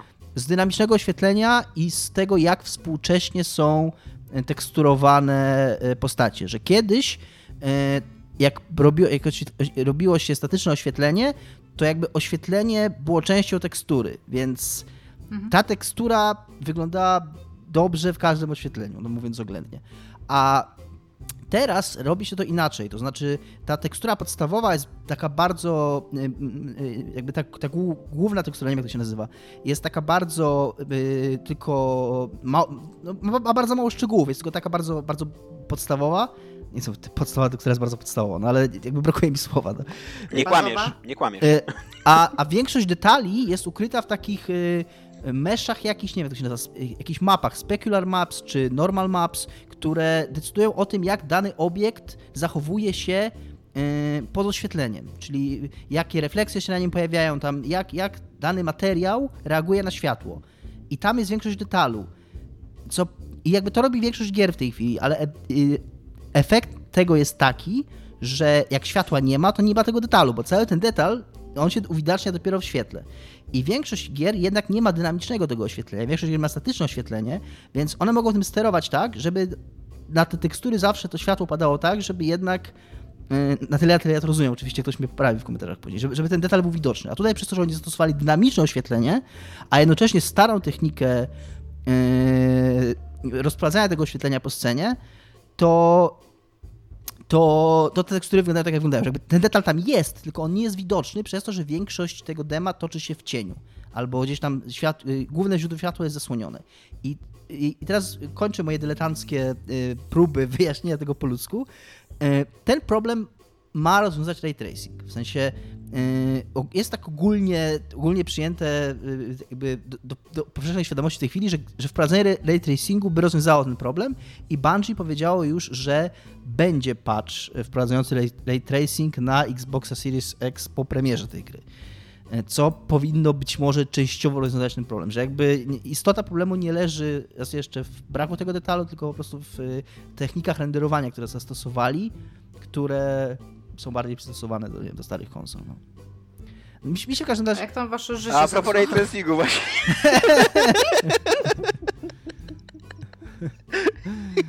tak, w każdym razie no mi się... Ale naprawdę jesteś, Tomek, powiedzieć tak, tak e, z ręką na sercu, że jak zobaczyłeś, no, jeżeli znasz reakcję internetu, a internet lubi tak sobie całkowicie obsrytać łóżko, więc ja wiem, że zwykle się potem podchodzi do czegoś i się myśli, no może nie jest tak, spodziewałam się czegoś dużo gorszego, może w taki sposób, to ta gra po prostu nie wygląda jakoś fenomenalnie dobrze. W nią się najprawdopodobniej będzie grało super fan. Ja mam, Tego nikt nie e, odejmuje, ja mam ale... przede wszystkim taką opinię o Halo, że ona nigdy nie wyglądała szczególnie dobrze, ta seria. Nawet nie ze względu na rozwiązania technologiczne, tylko ze względu na wybór jakby estetyki. Stylistyki. Słucham? Stylistyki. Stylistyki, dokładnie tak. Że to jest, to jest dosyć mało pomysłowy setting e, science fiction, który nigdy mnie nie, nie zachwycał, nie onieśmielał ani nic takiego, więc y, jakby oglądając to Halo od razu się spodziewałem, że to będzie coś takiego i absolutnie nie byłem zawiedziony i, i też nie, ja, ja nie zwróciłem uwagi na wiele rzeczy, które tam później, oczywiście jak też oglądałem ten filmik Digital Foundry, to, to, to, to mi pokazali te rzeczy i się zgadzam, okej, okay, one tam występują, nie na przykład te tam góry czy budowle, nie jestem pewien co to jest w tle, które po prostu mają płaskie ściany takie, no to to wygląda słabo już w dzisiejszych mhm. czasach, co nie? I nie powinno czegoś takiego być, ale czy to jest coś, na co zwracam uwagę w dynamicznej strzelance, w której kurde wyskakują duże potwory i cały czas coś się dzieje? I... No nie, raczej nie. Natomiast przeczytałem dzisiaj jeszcze szybko, żeby może zbliżać się już do końca tego tematu, bardzo ciekawą myśl w komentarzach na Eurogamerze, chyba już powiedziałem, dotyczącą e, Free for Free i serii Halo, że pomijając już tą kwestię grafiki, e, Free for Free ma, jest, jest dla serii Halo czymś takim trochę podobnym jak Disney jest dla Gwiezdnych Wojen. To znaczy, oni umieją, oni bardzo dobrze widzą te elementy, które ludzie kochają w tej serii, i oni starają się je powtórzyć, i dopóki je kopiują, to jakoś tam im to wychodzi, ale jak próbują zrobić coś swojego, to to się nie do końca, nie do końca klei. Oni na przykład zrobili, moim zdaniem, bardzo dobrą czwórkę, yy, z której, no mi się, ja grałem tylko w kampanii, mi się bardzo kampania podobała. W piątce oni już próbowali tam z tą, z tą kampanią kombinować i i ludzie byli zawiedzeni, więc teraz y, to jest taka w ogóle trochę podobna historia, też prawie, że sam przebieg tej historii jest podobny jak w Gwiezdnych Wojnach, że czwórka była bardzo przyjemnym zaskoczeniem, że wyszło nowe studio założone przez Microsoft do robienia Halo i nagle wow, oni są w stanie to zrobić, nie? Wyszła piątka i w piątce oni próbowali, wiesz, tak jak było ostatnio... Być sobą. Próbowali być sobą, próbowali jakieś swoje pomysły o tej serii wrzucić no, y, co spotkało się z y, bardzo takim negatywną reakcją fanów. A ty Więc... jesteś y, w ogóle chuliganem piątki, ty? Z tego co pamiętam, tak? Nie, nie, nie, mi się nie. podobała. No, czwórka no, że, że właśnie na takim chuliganem, właśnie takim fanatycznym wielbicielem mi chodzi. Mm, podobała mi się. Nie, nie, nie, nie, nie wiem, czy fanatycznym. Już teraz może mniej pamiętam swoje emocje z tamtych czasów, ale wiem, że mi się dobrze. Ja w ogóle, bo ja nie znam właśnie Halo z czasów Bungie. Dla mnie Halo to jest zawsze free for free, nie? A teraz z kolei w tym Infinite oni robią coś takiego jak kurna Disney w Rise of the Skywalker, czyli ludzie zhejtowali poprzednią część, to oni zrobią kurde co? Po prostu powtórzą wszystko, wiesz, po prostu okej, okay, praktycznie zrobimy jedynkę od nowa, aż kurna i coś tak fajnie napisał właśnie, że oni tak bardzo nie mieli pomysłu jak, jak jakby odtworzyć jedynkę, że po prostu wzięli i prawie dokładnie przenieśli, łącznie z oprawą graficzną e, do, do nowej generacji. Nie? Tutaj Dominik bardzo gestykuluje. Tak. Pokazałem, jak się pokazałem przenoszenie, że tak się bierze z jednej strony i się przenosi na drugą. E, tymczasem w wielkim świecie Wiedźmina dzieje się coraz więcej Wiedźminów, e, ponieważ Netflix ogłosił, że będzie kolejny serial e, o Wiedźminie. Znaczy nawet nie o Wiedźminie, bo to nie, nie jest o Geralcie, ale będzie to serial, który nazywa się Blood Origin i będzie to prequel tej serii, która, która jest oparta na książkach Sapkowskiego. Będzie się działo 1200 lat wcześniej i będzie opowiadał o pierwszym Wiedźminie, E, co jest. E, a, i będzie przy, przy tym współpracował e, Sapkowski i będzie to robiła ta sama ekipa, przynajmniej twór, taka, jeżeli chodzi o twórców. Będzie to, znaczy, jeżeli chodzi o tam, no, showrunnerów. To ta sama ekipa, która robi tego Wiedźmina. I jest to moim zdaniem bardzo odważna, nie do końca dla mnie zrozumiała decyzja. Ja Tomek, Tomek, no. Tomek, a czekasz na Wiedźmin dwukropek Księga Wyjścia albo Wiedźmin dwukropek Wiesz Big co? Mam, mam, mam, mam dwie myśli na ten temat, że po pierwsze e, jest to bardzo ryzykowne, co oni robią, bo moim zdaniem sukces serialowego Wiedźmina to jest trochę enigma. Nie, wi nie wiadomo, dlaczego to się udało. To nie jest zbyt dobry serial, on ma pewne bardzo udane elementy, na przykład aktorstwo, postaci, pisarstwo Sapkowskiego, ale Piosenkę. ma... Tak, piosenkę, ale ma również mnóstwo elementów, które są bardzo złe i bardzo nieudane. I to, że CGI. nagle.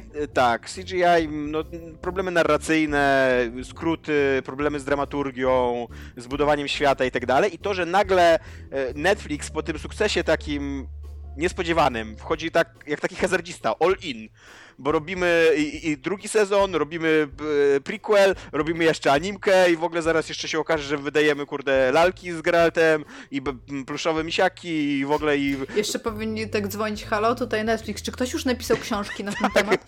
tak.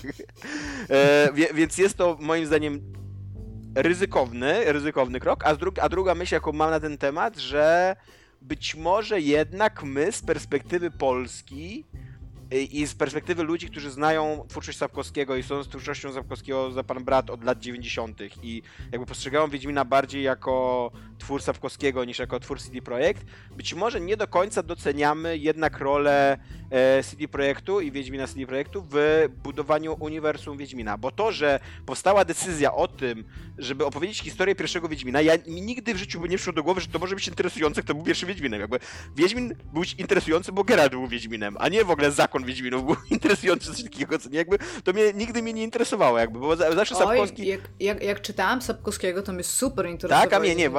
Nawet byłam zła, że jest tak mało w ogóle na ich temat. Pamiętam, że tam był ten młody, on się chyba Cohen nazywał, przez C. Tak. I że na przykład bardzo mocno pamiętam, że on bardzo źle przeszedł próbę traw, co miał bardzo dużo blizn na twarzy i że miał problem chyba z mówieniem, coś mu się z głosem stało.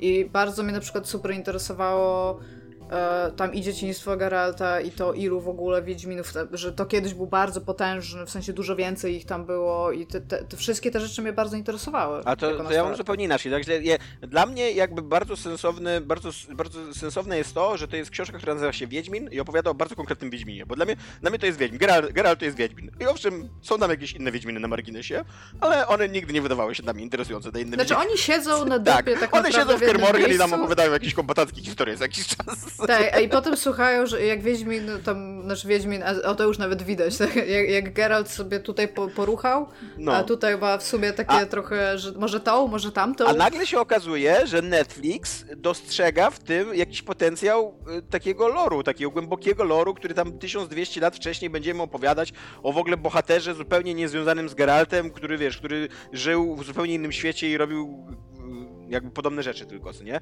Więc wydaje mi się, że to jest jednak bardziej zasługa CD Projektu i tego, jak, jak no, duży... No, jak... Na pewno ci inni Wiedźmini i ten... Jak się nazywa domek wiedźmiński? Ka? No to na pewno tam to jest, na to jest trochę większy nacisk, to jest realnie namacalne miejsce, bo wszystkie pamiętam, ja to mówię jak przez mgłę, bardzo dawno nie czytałam Sapkowskiego, bo ja go przeczytałam i byłam jakby, o super, ale byłam dan, to jakby nigdy potem nie usiadłam, nie przeczytałam jeszcze raz sagi, a nie opowiadań. Nie, nie, nie miałam. Jedy, najbardziej kojarzę potem opowiadania z tego, co napisał Tomasz Pstrągowski u nas na stronie. Możecie zobaczyć ilustrowany, ilustrowany myśli Tomasza Pstrągowskiego. E, to bardziej mi się kojarzy jednak ten takie zaplecze wiedźmińskie jakby z grą niż z, niż z książką. Ale też, książ to zainteresowanie no. lorem i worldbuildingiem, to mi się wydaje, że to może trochę wynikać w ogóle ze struktury, zwłaszcza Wiedźmina trzeciego, co nie, że to jest open world, który jest mnóstwo znajdziek, mnóstwo jednak jest jakiegoś takiego opisywania przyszłości, tego i tak dalej. To, to nawet jeżeli było w powieściach, to to było na marginesie, bo zawsze u Sapkowskiego zawsze w centrum są bohaterowie, nie? On ma świetny, świetne, mhm. e, świetny talent do budowania żywych, takich pełnowymiarowych, charyzmatycznych postaci, do, do pisania wartkich dialogów i jakby to stawia w centrum swojej, ten, ten worldbuilding, który się tam pojawia, pojawia w sadze. Przede wszystkim on się w ogóle jakby w sensownym stopniu dopiero w sadze pojawia, co nie? To też, to też coś mówi o, o twórczości Sapkowskiego, co nie? A jakby, a, a w trójce, no masz cały świat, który jest żywy, po którym gracz chodzi i tak dalej i y, y, wydaje mi się, że to może budzić jakieś zainteresowanie y, ludzi i że Netflix wyczuwa to zainteresowanie? Ma jakichś ludzi, którzy, wiesz, którzy wyczuwają rynek i mówią, ej, a może odpowiedzieliśmy na te pytania, na które Polacy sobie nigdy, których Polacy sobie nigdy nie zadawali, ale okazuje się, że reszta świata sobie zadawała, co nie? Ja sobie znaczy mówię, pewnie byłam jakimś tam wyjątkiem, bo mnie super, mnie super interesowały elfy na przykład, tam co, Driady na przykład. Mnie jedyne, co naprawdę bardzo, bardzo dobrze. No. To było powstanie Nie, no falki. Driady w tym serialu teraz, tym Wiedźmi co jest. Driady siedzą w lesie na tyłkach i to robią driady. I tak mniej więcej było też w książce. On, nie za bardzo wiadomo, co one tam robią. One tam są, to, to jest ich święte miejsce, one tam wpuszczają ludzi, czasami Próbują nie przetrwać. wypuszczają. Ale w ogóle co? mi się bardzo podoba ta myśl, którą Tomek powiedział, że e, że lorem są, jakby ja bym nawet ją bardziej skonkretyzował, że lore to jest głównie coś, czym są zainteresowani gracze, albo troszeczkę tak. rozszerzając nerdy, że to jest domena takiego, do, domena takiego hardkorowego fandomu, yy, nie czytelników książek. Hmm. Czytelnicy książek to są jakieś, wiesz, jakieś tam w ogóle obrzeża, nie? A, taki, a, a lore, takie interesowanie się, co się działo tysiąc lat wcześniej, no to to jest yy, faktycznie yy, domena domena graczy, czy, czy, czy całej, całej I, I ludzi, którzy piszą fanfiki. Ludzi, którzy piszą fanfiki. Ale ja... też y, jest to dla mnie dosyć dziwne, że Netflix inwestuje tą kasę teraz, zamiast zobaczyć, czy wyjdzie mu drugi sezon na przykład. Czy, bo, bo wierzę, wierzę, że tą magię z pierwszego sezonu da się powtórzyć, że można znowu zrobić tak niedoskonały, zajebiście wciągający serial, który jest jednocześnie bardzo zły, ale bardzo zabawny i bardzo dobry. Jakby te wszystkie trzy rzeczy możesz o nim powiedzieć, co nie? Ale wydaje mi się, że tak to by było dużo mądrzejsze strategicznie, żeby najpierw spróbować zrobić to drugi raz, a dopiero później rozszerzyć cały ten projekt ja się finansowy. zaczęłam teraz zastanawiać nad tym, co powiedziałeś w ogóle, Tomek, bo to nie dość, że jest bardzo duży, duże ryzyko, jeżeli chodzi o o to, czy ludzie są realnie zainteresowani innymi Wiedźminami, tak? I tam trzeba będzie naprawdę bardzo fajnie zbudować postać tego Wiedźmina, żeby się różniła od Geralda, pomimo fakt, że Wiedźmini są bardzo określonym typem w cudzysłowie człowieka, tak? Tam, czy potwora, nikt nie wie. Ale z drugiej strony, jak myślisz o tym, to Sapkowski zrobił, on już, on już zrobił intrygę polityczną, która tam się w tym momencie, kiedy Wiedźmin się dzieje, to ona się wtedy dzieje, tak? A teraz 1200 lat wcześniej, i z tego co pamiętam, co przeczytałam e, w tym newsie i tweetach, to jest moment, kiedy schodzą się królestwa y, tam elfów, ludzi, krasnoludów.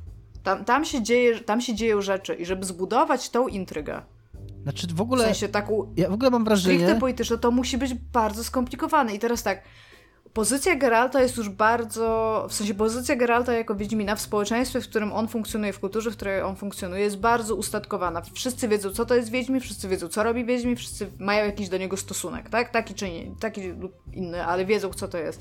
Jeżeli to jest pierwszy Wiedźmin, ten typ, to skąd on ma wiedzieć, co on ma robić? Jaka jest jego profesja? Co ludzie go zobaczą i powiedzą, o, ty wyglądasz na typa, znaczy, który mógłby nosić dwa miecze i zabijać potwory. To trochę, to trochę chyba jest powinno być to, o czym będzie ten serial, czyli tego teraz trochę piczujesz, tak jakby, tak naprawdę. E, a... No ja go sobie odpiczowałam właśnie. No bo jakby... Nie daję na to pieniędzy. Natomiast e, ja wiesz, że chciałem powiedzieć. Pierwsza, że to jest w ogóle ciekawe, że, e, że to jest w ogóle to już się robi nurt. To, to, to, nie jest pierwszy serial, który robi, bo Gra o Tron ma mieć spin-offy, które się dzieją wcześniej jakieś tysiące czy setki lat. A Amazon produkuje Władcę Pierścieni, który będzie w ogóle ekranizacją Silmarillion, jeśli dobrze pamiętam czyli w ogóle jakiejś praktycznie mitologii y, ze, z tego świata. Wiedźmin też, także mm, jest taki, taka ogólnie tendencja rynkowa. Na pewno wszyscy to znamy i znacie, że powiedzmy jak powstaje, nie wiem, jeden film o, nie wiem, kuna, o małych szpiegach, to obok powstaje drugi film o małych szpiegach, albo jak powstaje jeden film fantazy, to obok powstaje drugi film fantazy. I że masz, jakby, jak, był, jak, był, jak, była, jak był Prestige Nolana, to obok była, yy, yy, jaki to wyrysował? Yy, no, był, był ten drugi film o magikach, no. Tak, był. Iluzjonista, coś takiego? Chyba tak, no. Yy, I to wynika z tego, że to jest darmowy marketing, nie? Że po prostu yy, jak jeden film się reklamuje, to drugi film, który jest podobny, jakby dostaje za darmo yy, tą reklamę, więc studia podłapują to od siebie, więc to może trochę z tego wynika, że, że Netflix węszył pismo nosem, że i HBO robi coś takiego z of Thrones i Amazon robi coś takiego z Władcą Pryścieni, a my mamy Wiedźmina, który już ma taki baz wokół siebie, że to jest no może nie nowa gra o tron, ale jakby pojawia się w kontekście obok słów, słów gra o tron często pojawia się słowo Wiedźmin, no. Czy to jest uzasadnione, czy nie, to jest tam nieistotne z punktu widzenia marketingu. Więc, ale nie, ale nie jest a, więc, y, więc więc może to jest po prostu taki cyniczny, wiesz, w ogóle nie podyktowany jakimiś względami artystycznymi ruch. Bo w ogóle Netflix jest bardzo E, zajebiście data-driven firmą. Taką, która praktycznie, tak. oni praktycznie już serial, e, scenariusze konstruują. Ten, Maniak był przykładem tego. Na podstawie analiz tego, jak ludzie oglądają ich seriale.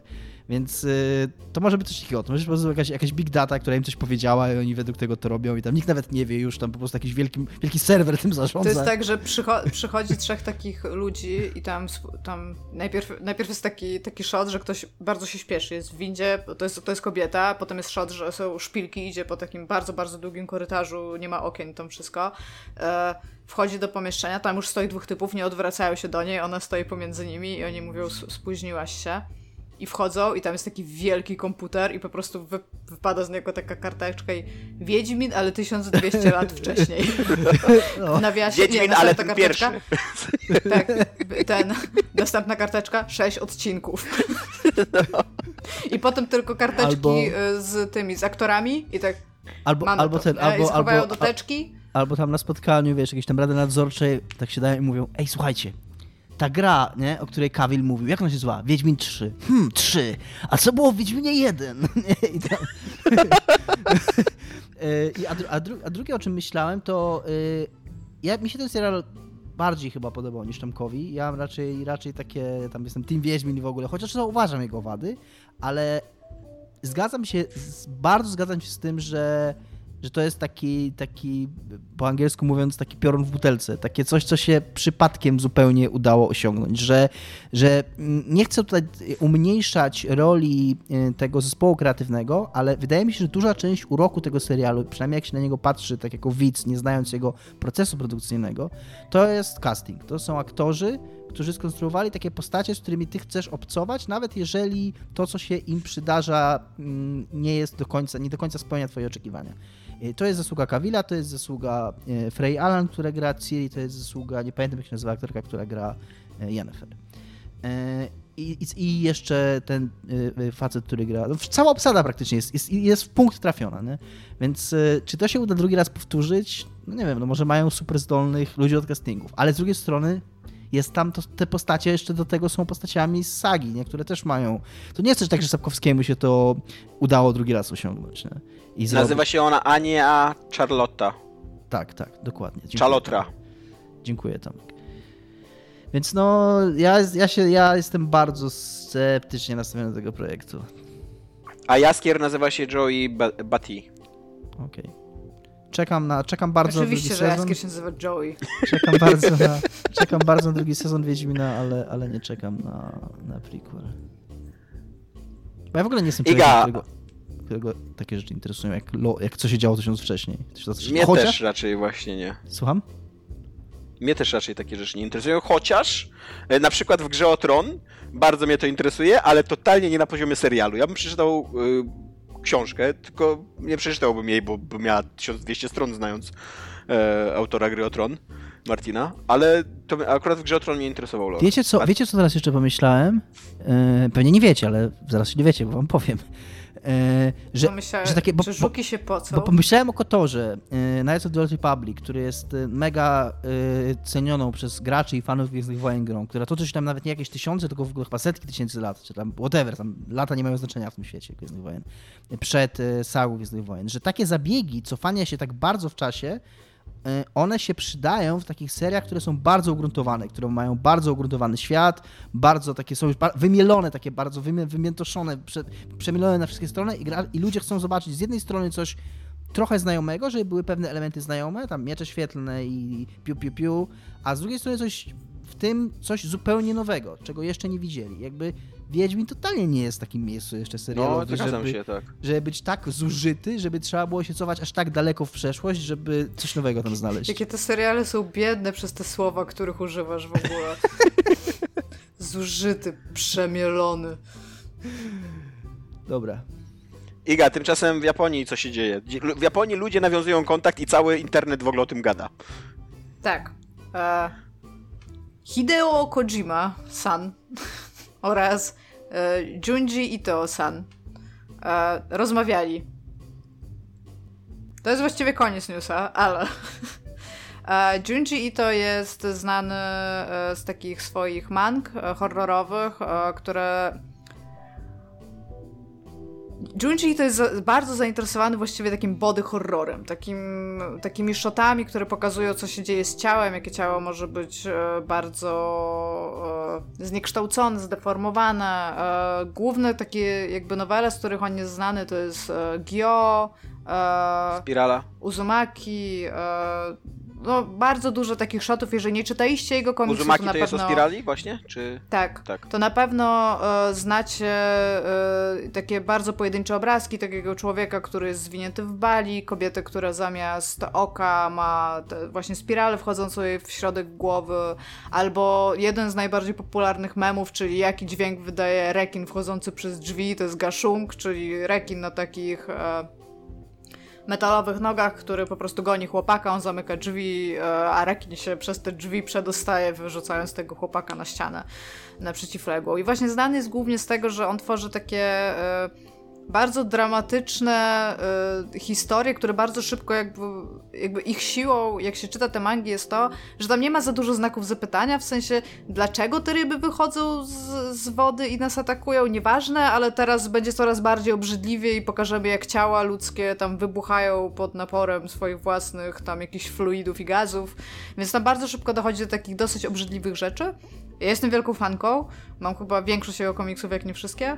E, no i Hideo Kojima jako e, wielki fan e, siebie, ale też świata, który go otacza, który stwierdził, że jeżeli jest się dobrym przynajmniej w jednej rzeczy, to można być dobrym właściwie we wszystkich. Ale z drugiej strony czytałem dzisiaj jego wywiad, który dawał z Baftą i bardzo mądre i takie fajne rzeczy tam pisze, w sensie on jest zupełnie świadomy swojego sukcesu, ale bar bardzo fajnie w ogóle o tym mówi. Nie, nie ja go bardziej, ja, ja z innych wywiadów i jego wypowiedzi zawsze miałam go jako takiego człowieka bardzo zadufanego w sobie. Nie miałam takiego wrażenia czytając to i raczej on bardzo gruntownie wie dokładnie co się dzieje, aczkolwiek cały czas pracuje nad, nad swoją wizją i tam do tego mu nie można odmówić nawet po Death Stranding. Jak, jaka by ta gra nie była, na pewno była inna i na pewno była jego, więc to, to, to, to autorstwo to jest jego rzecz. I on po tym, kiedy rozstał się z Konami i kiedy e, było powiedziane, że najprawdopodobniej będzie pracował nad Silent Hills, bardzo chciałby zrobić horror.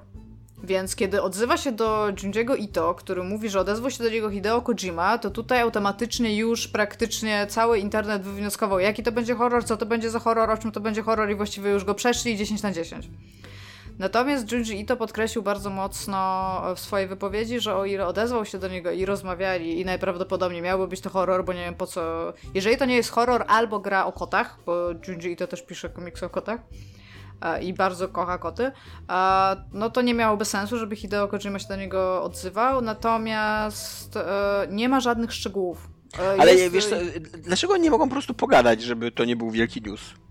Może oni w ogóle nie będą współpracować? Znaczy, ja, ja w ogóle... Bo ja ci powiem czemu. To, to jest, jest dwóch... taki, że potem, kiedy, kiedy PT było taką grą i takim fenomenem, jakim było, i ludzie chcieli, żeby Hideo Kojima robił Silent Hills, i on się odzywa do Ito, właściwie w tym momencie najwybitniejszego twórcy horrorów, jeżeli chodzi o popkulturę, który jakby nigdy nie robił w grach, ale jego estetyka jest mega znana, mega charakterystyczna i on robi jakby good shit i potem y, jak y, kończy się PT i co oni jakby obiecywali, że mogą być w Silent Hills, to to jest jakby bardzo spójne. I każdy chce, żeby Hideo Kojima zrobił Silent Hills takie jak było PT. Natomiast sam Hideo Kojima powiedział, że Silent Hills nie mogłoby być takie jak PT, bo PT działało tylko i wyłącznie dlatego, że nikt się tego nie spodziewał i było dokładnie takie, jakie było, więc nie można tego powtórzyć, bo to już nie byłoby straszne. A też podkreślił, że chciałby zrobić horror, w którym nie tylko się posikasz ze strachu, ale się obstrasz. I tam jest w cytacie crap your pants. Więc jakby ja to bardzo cenię i ja na to bardzo czekam, natomiast ja trochę tego nie się? widzę, bo... Słucham? Obstrywanie się? Uwielbiam obstrywanie się. Nie, w sensie ja tego trochę nie widzę i powiem wam dlaczego, bo... E... Hideo Kojima musiałby zrobić mega, eksper ek mega eksperymentalną grę, która po prostu nie byłaby filmowa, bo większość siły e, te, historii Junjiego Ito wynika z faktu, że on po pierwsze sam sobie w jakiś tam sposób pisze te scenariusze, a po drugie on jest mangowcem. On zawsze był mangowcem i on robi dobrą mangę.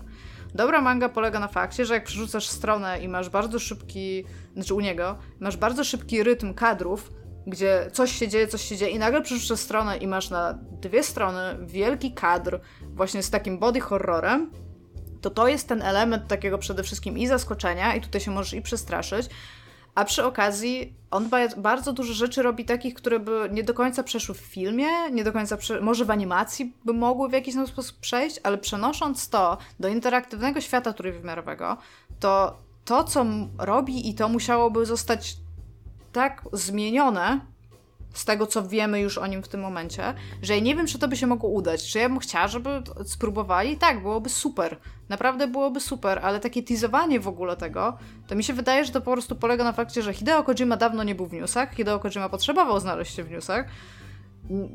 Jak wyszło Death Stranding i było o nim bardzo głośno, a teraz nagle nie, więc teraz się odezwie do Junjiego Ito.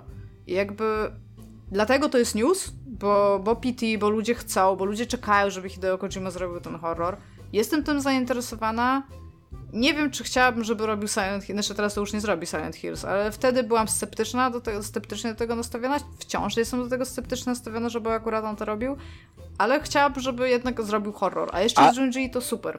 Ale jednocześnie no. jest ostatnio głośno o The Stranding, ponieważ tak, bo ponieważ. E, o kurde, miałam zapisane imię i nazwisko. E, pan, którego imię i nazwisko zaraz znajdę, e, postanowił zrobić takiego małego haka. Bo gra wyszła na udało... PC i można, za, można ją y, modować teraz. Tak, można ją modować i on postanowił zrobić takiego haka, e, który to pozwolił mu uwolnić kamerę, która jest normalnie zafiksowana, natomiast on stwierdził, znaczy zafiksowana, w jednym miejscu ustawiona, natomiast on stwierdził, e, już patrzę jak się nazywa, tylko też napiszę, żeby uciszyć psa. Nie wiem, czy słyszycie, że pies szczeka, bo szczeka. E, pan się nazywa Lance McDonald, o, już wiem. Na Twitterze zatweetował, że udało mu się w końcu e, zrobić tego haka na kamerę i teraz ma takiego freakama, może sobie tam po popatrzeć w inne miejsca, być może coś tutaj pozmieniać. Jakie było no pierwsze no miejsce, spoko, w jakie zajrzał? E, pierwsze miejsce, w jakie zajrzał, nie, nie, było takie, jakie się spodziewasz, ponieważ ten pierwszy filmik nie, nie jest taki. Natomiast mhm. stwierdził też, że działa to totalnie pod prysznicem. I co się okazało? Sam Bridges, Porter, nie ma penisa. Nie ma, jest jak Ken z Barbie. Po prostu nie, nic tam nie ma. To nawet nie jest tak, że on nie ma penisa i ma coś innego. Po prostu jest wygładzony. Nie ma. Nie ma. Nikt nie, nikt nie zrobił modelu 3D penisa, e, jakąś, jak się czyta, Ridusa. Normana Nikt nie zrobił, nie ma. Tak, A ja bym chciał jeszcze tylko powiedzieć, bo być może ludzie nie zrozumieli, ale sam Bridges Porter to jest główny bohater The Stranding. E, on się nazywa Bridges Porter, ponieważ wykonuje zawód portera i stawia mosty. A sam dlatego, że jest Amerykaninem. I jest sam, tak. sam, sam samotnie przemierza. Nawet tak. to działa w wielu językach w ogóle jeszcze. To jest takie głębokie, głębokie dzieło, możliwe do, do interpretowania na wielu poziomach lingwistycznych również. Znaczy zasadniczo y, wolę podejście y, tego E, Hideo Kojimy niż podejście pana Davida od... Cage'a. Davida Cage'a właśnie, dokładnie. Też o tym pomyślałem. Też wiedziałam, że Davida Cage'a. Nie wiedziałam jeszcze jakie podejście, nie wiedziałam pana od czego, ale wiedziałam, że Davida Cage'a. No nie no, w Beyond David Souls y, David Cage zrobił nagie ciało Ellen Jak ona Page. ma nazwisko? Ellen Page, tak. E, Ellen Page. Strona. E, najprawdopodobniej w ogóle to nie, ona nie grała w tej scenie nago, tylko on po prostu do, dorobił model jakby tego ciała do sceny pod prysznicem i ona w grze nie była pokazana, ale właśnie jak jakiś model się do tego dobrał i przestawił kam- kamerę, no to nagle wiesz, było pełno zdjęć. To jednak jest bardzo śliska sprawa, no mimo- nawet jeżeli to nie jest jej prawdziwe ciało, nie, nie jest model oparty na jej ciele, co nie? A tutaj y, Kojima jednak po prostu olał. Z szacunkiem, sprawę, szacunkiem Tak, podszedł do, do szacunkiem. aktora, do Normana Ridusa i zrobił mu... I, zro, No i nie, nie zrobił mu... penisa, i, nie- nie i, jest i to zro, coś, co czekaj, czekaj, czekaj, czekaj! I zrobił mu Reduce Penis! Re- Reduce Penis. Reduce. Re- Tak, tak. Rozumiecie? Re- re- Jak na, jak na tą, na 12 wskoczył. jak na tą podnietę, która, od, którą odpaliłeś, żeby opowiedzieć ten dowcip, to lądowanie tak... nie było tyle Marko, to tak prawda, powiem. Nie było tyle prawda, Marko. To prawda, to prawda. Bo to, to dużo lepiej brzmiało w mojej głowie. Ja nie umiałem tak powiedzieć, żeby to reduce brzmiało podobnie jak Tak, to reduce. e, ja, jak już widziałem twoją minę, że tak jak został czerwony i tam czekaj, czekaj, to, to już się spodziewałem, oho, ale, ale dojebie, ale dojebie. Czemu nie powiedziałeś, że on zrobił mu reduced... Nie, read... O kurwa, nie da No się... właśnie, o, przepraszam, ciężko, no właśnie ciężko to, to, to, brzmi, to brzmi jak coś, co... Po, Reduce? Re- reduce, to, to brzmi właśnie jak coś, co... Co jest dobrym być może, żartem. Być może nie ma w tym takiego potencjału komediowego, jaki wam się wydaje. Jest, jest, tylko po prostu trzeba... Nie, na tym- jest, jest, tylko trzeba to Trzeba napisać. na tym- Jak to napiszesz, Tak. to to będzie działało Al- i trzeba to wstawić Trzeba, na Twittera. trzeba na tym po prostu popracować więcej. Okej, okej. Nasi najlepsi ludzie już do tego się dają. E, Dobra, Dominik, e, a jako, że już jesteśmy na poziomie takiej właśnie teraz nawet jesteś już profesjonalnym e, autorem dowcipów e, 10 na 10 e, i stand-uperem, to wytłumacz się ze swojej profesjonalnej wpadki tydzień temu. Tak. w- y, Jak wielu słuchaczy zwróciło nam uwagę, w poprzednim odcinku w krótkim fragmencie nie słychać mojej wypowiedzi. Słychać wasze reakcje na tą wypowiedź, a nie słychać mojej wypowiedzi. Y, I, y, i pytali się, pytaliście się, dlaczego została ona usunięta, czy dlaczego jej nie ma. Tam się, ja powiedziałem, że wyjaśnię to w odcinku i że powód jest wstydliwy, co spowodowało, że pojawiły się teorie nawet, że puściłem tam bąka, więc chciałem powiedzieć, że nie, nie puściłem tam Ja musiałem powiedzieć, że tak. nie puściłem, nie puści... Dwa, ko- dwa kontra jeden Dominik, jestem z Tomkiem.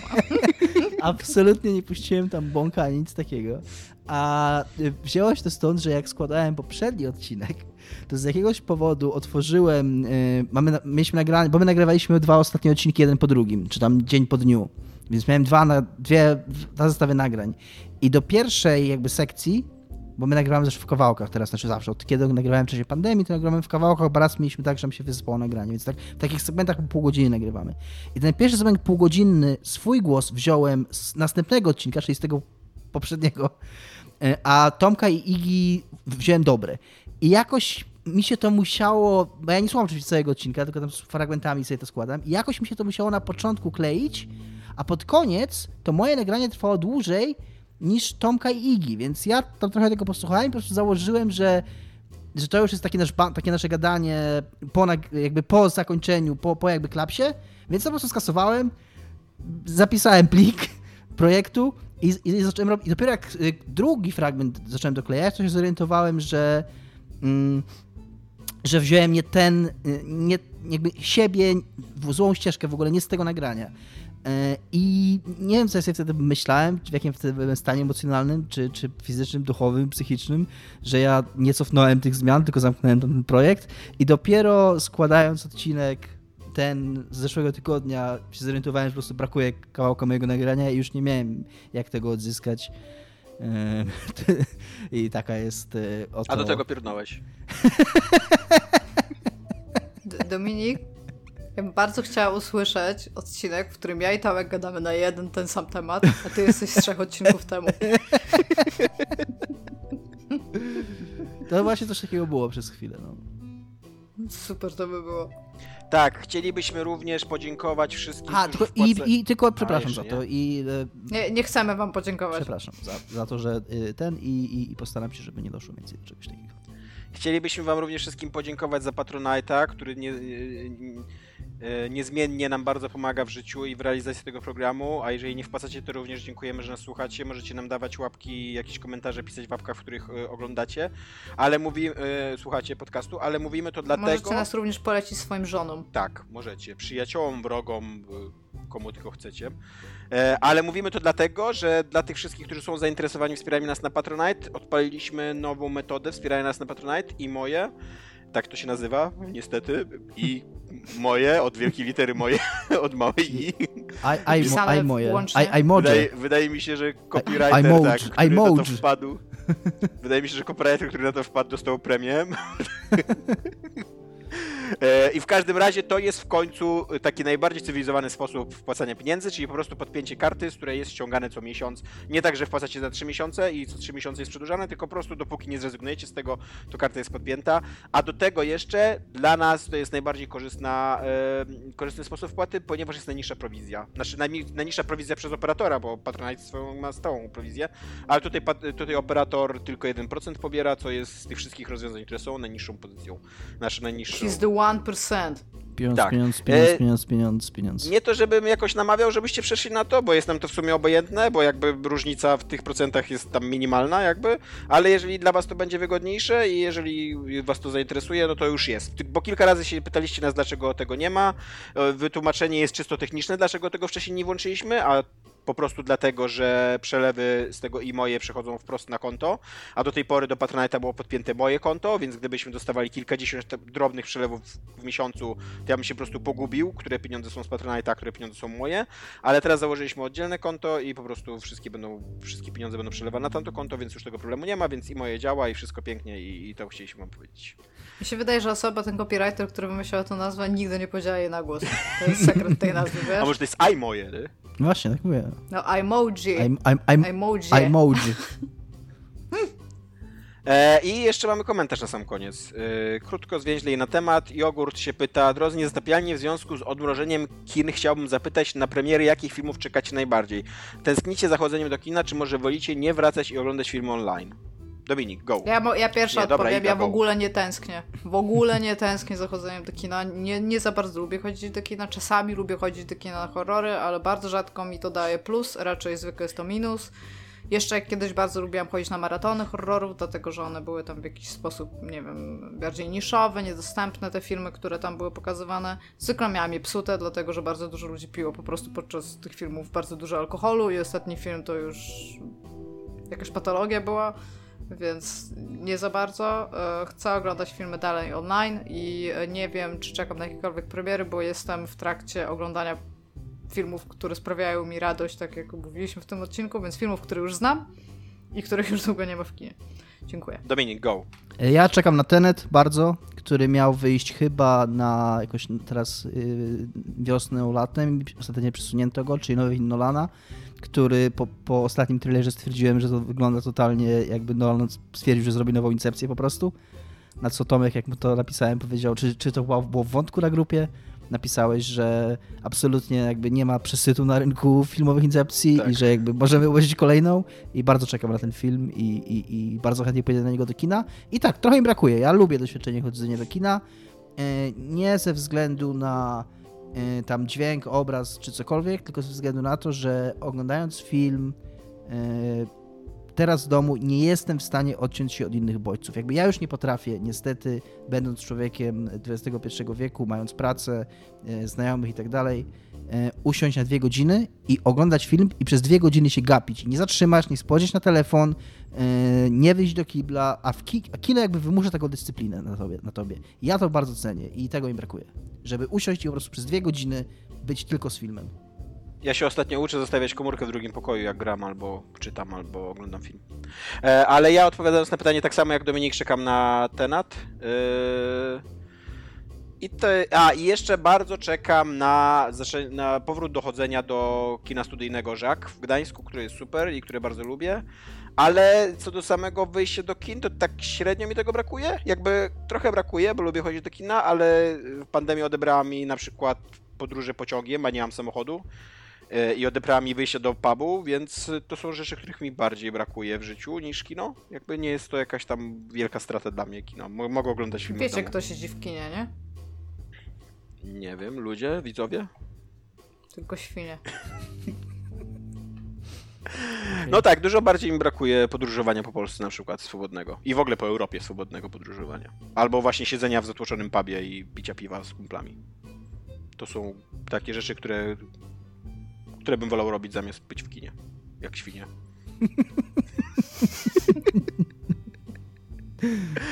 No, to tyle od nas. Dzięki. Cześć. Cześć. Pa.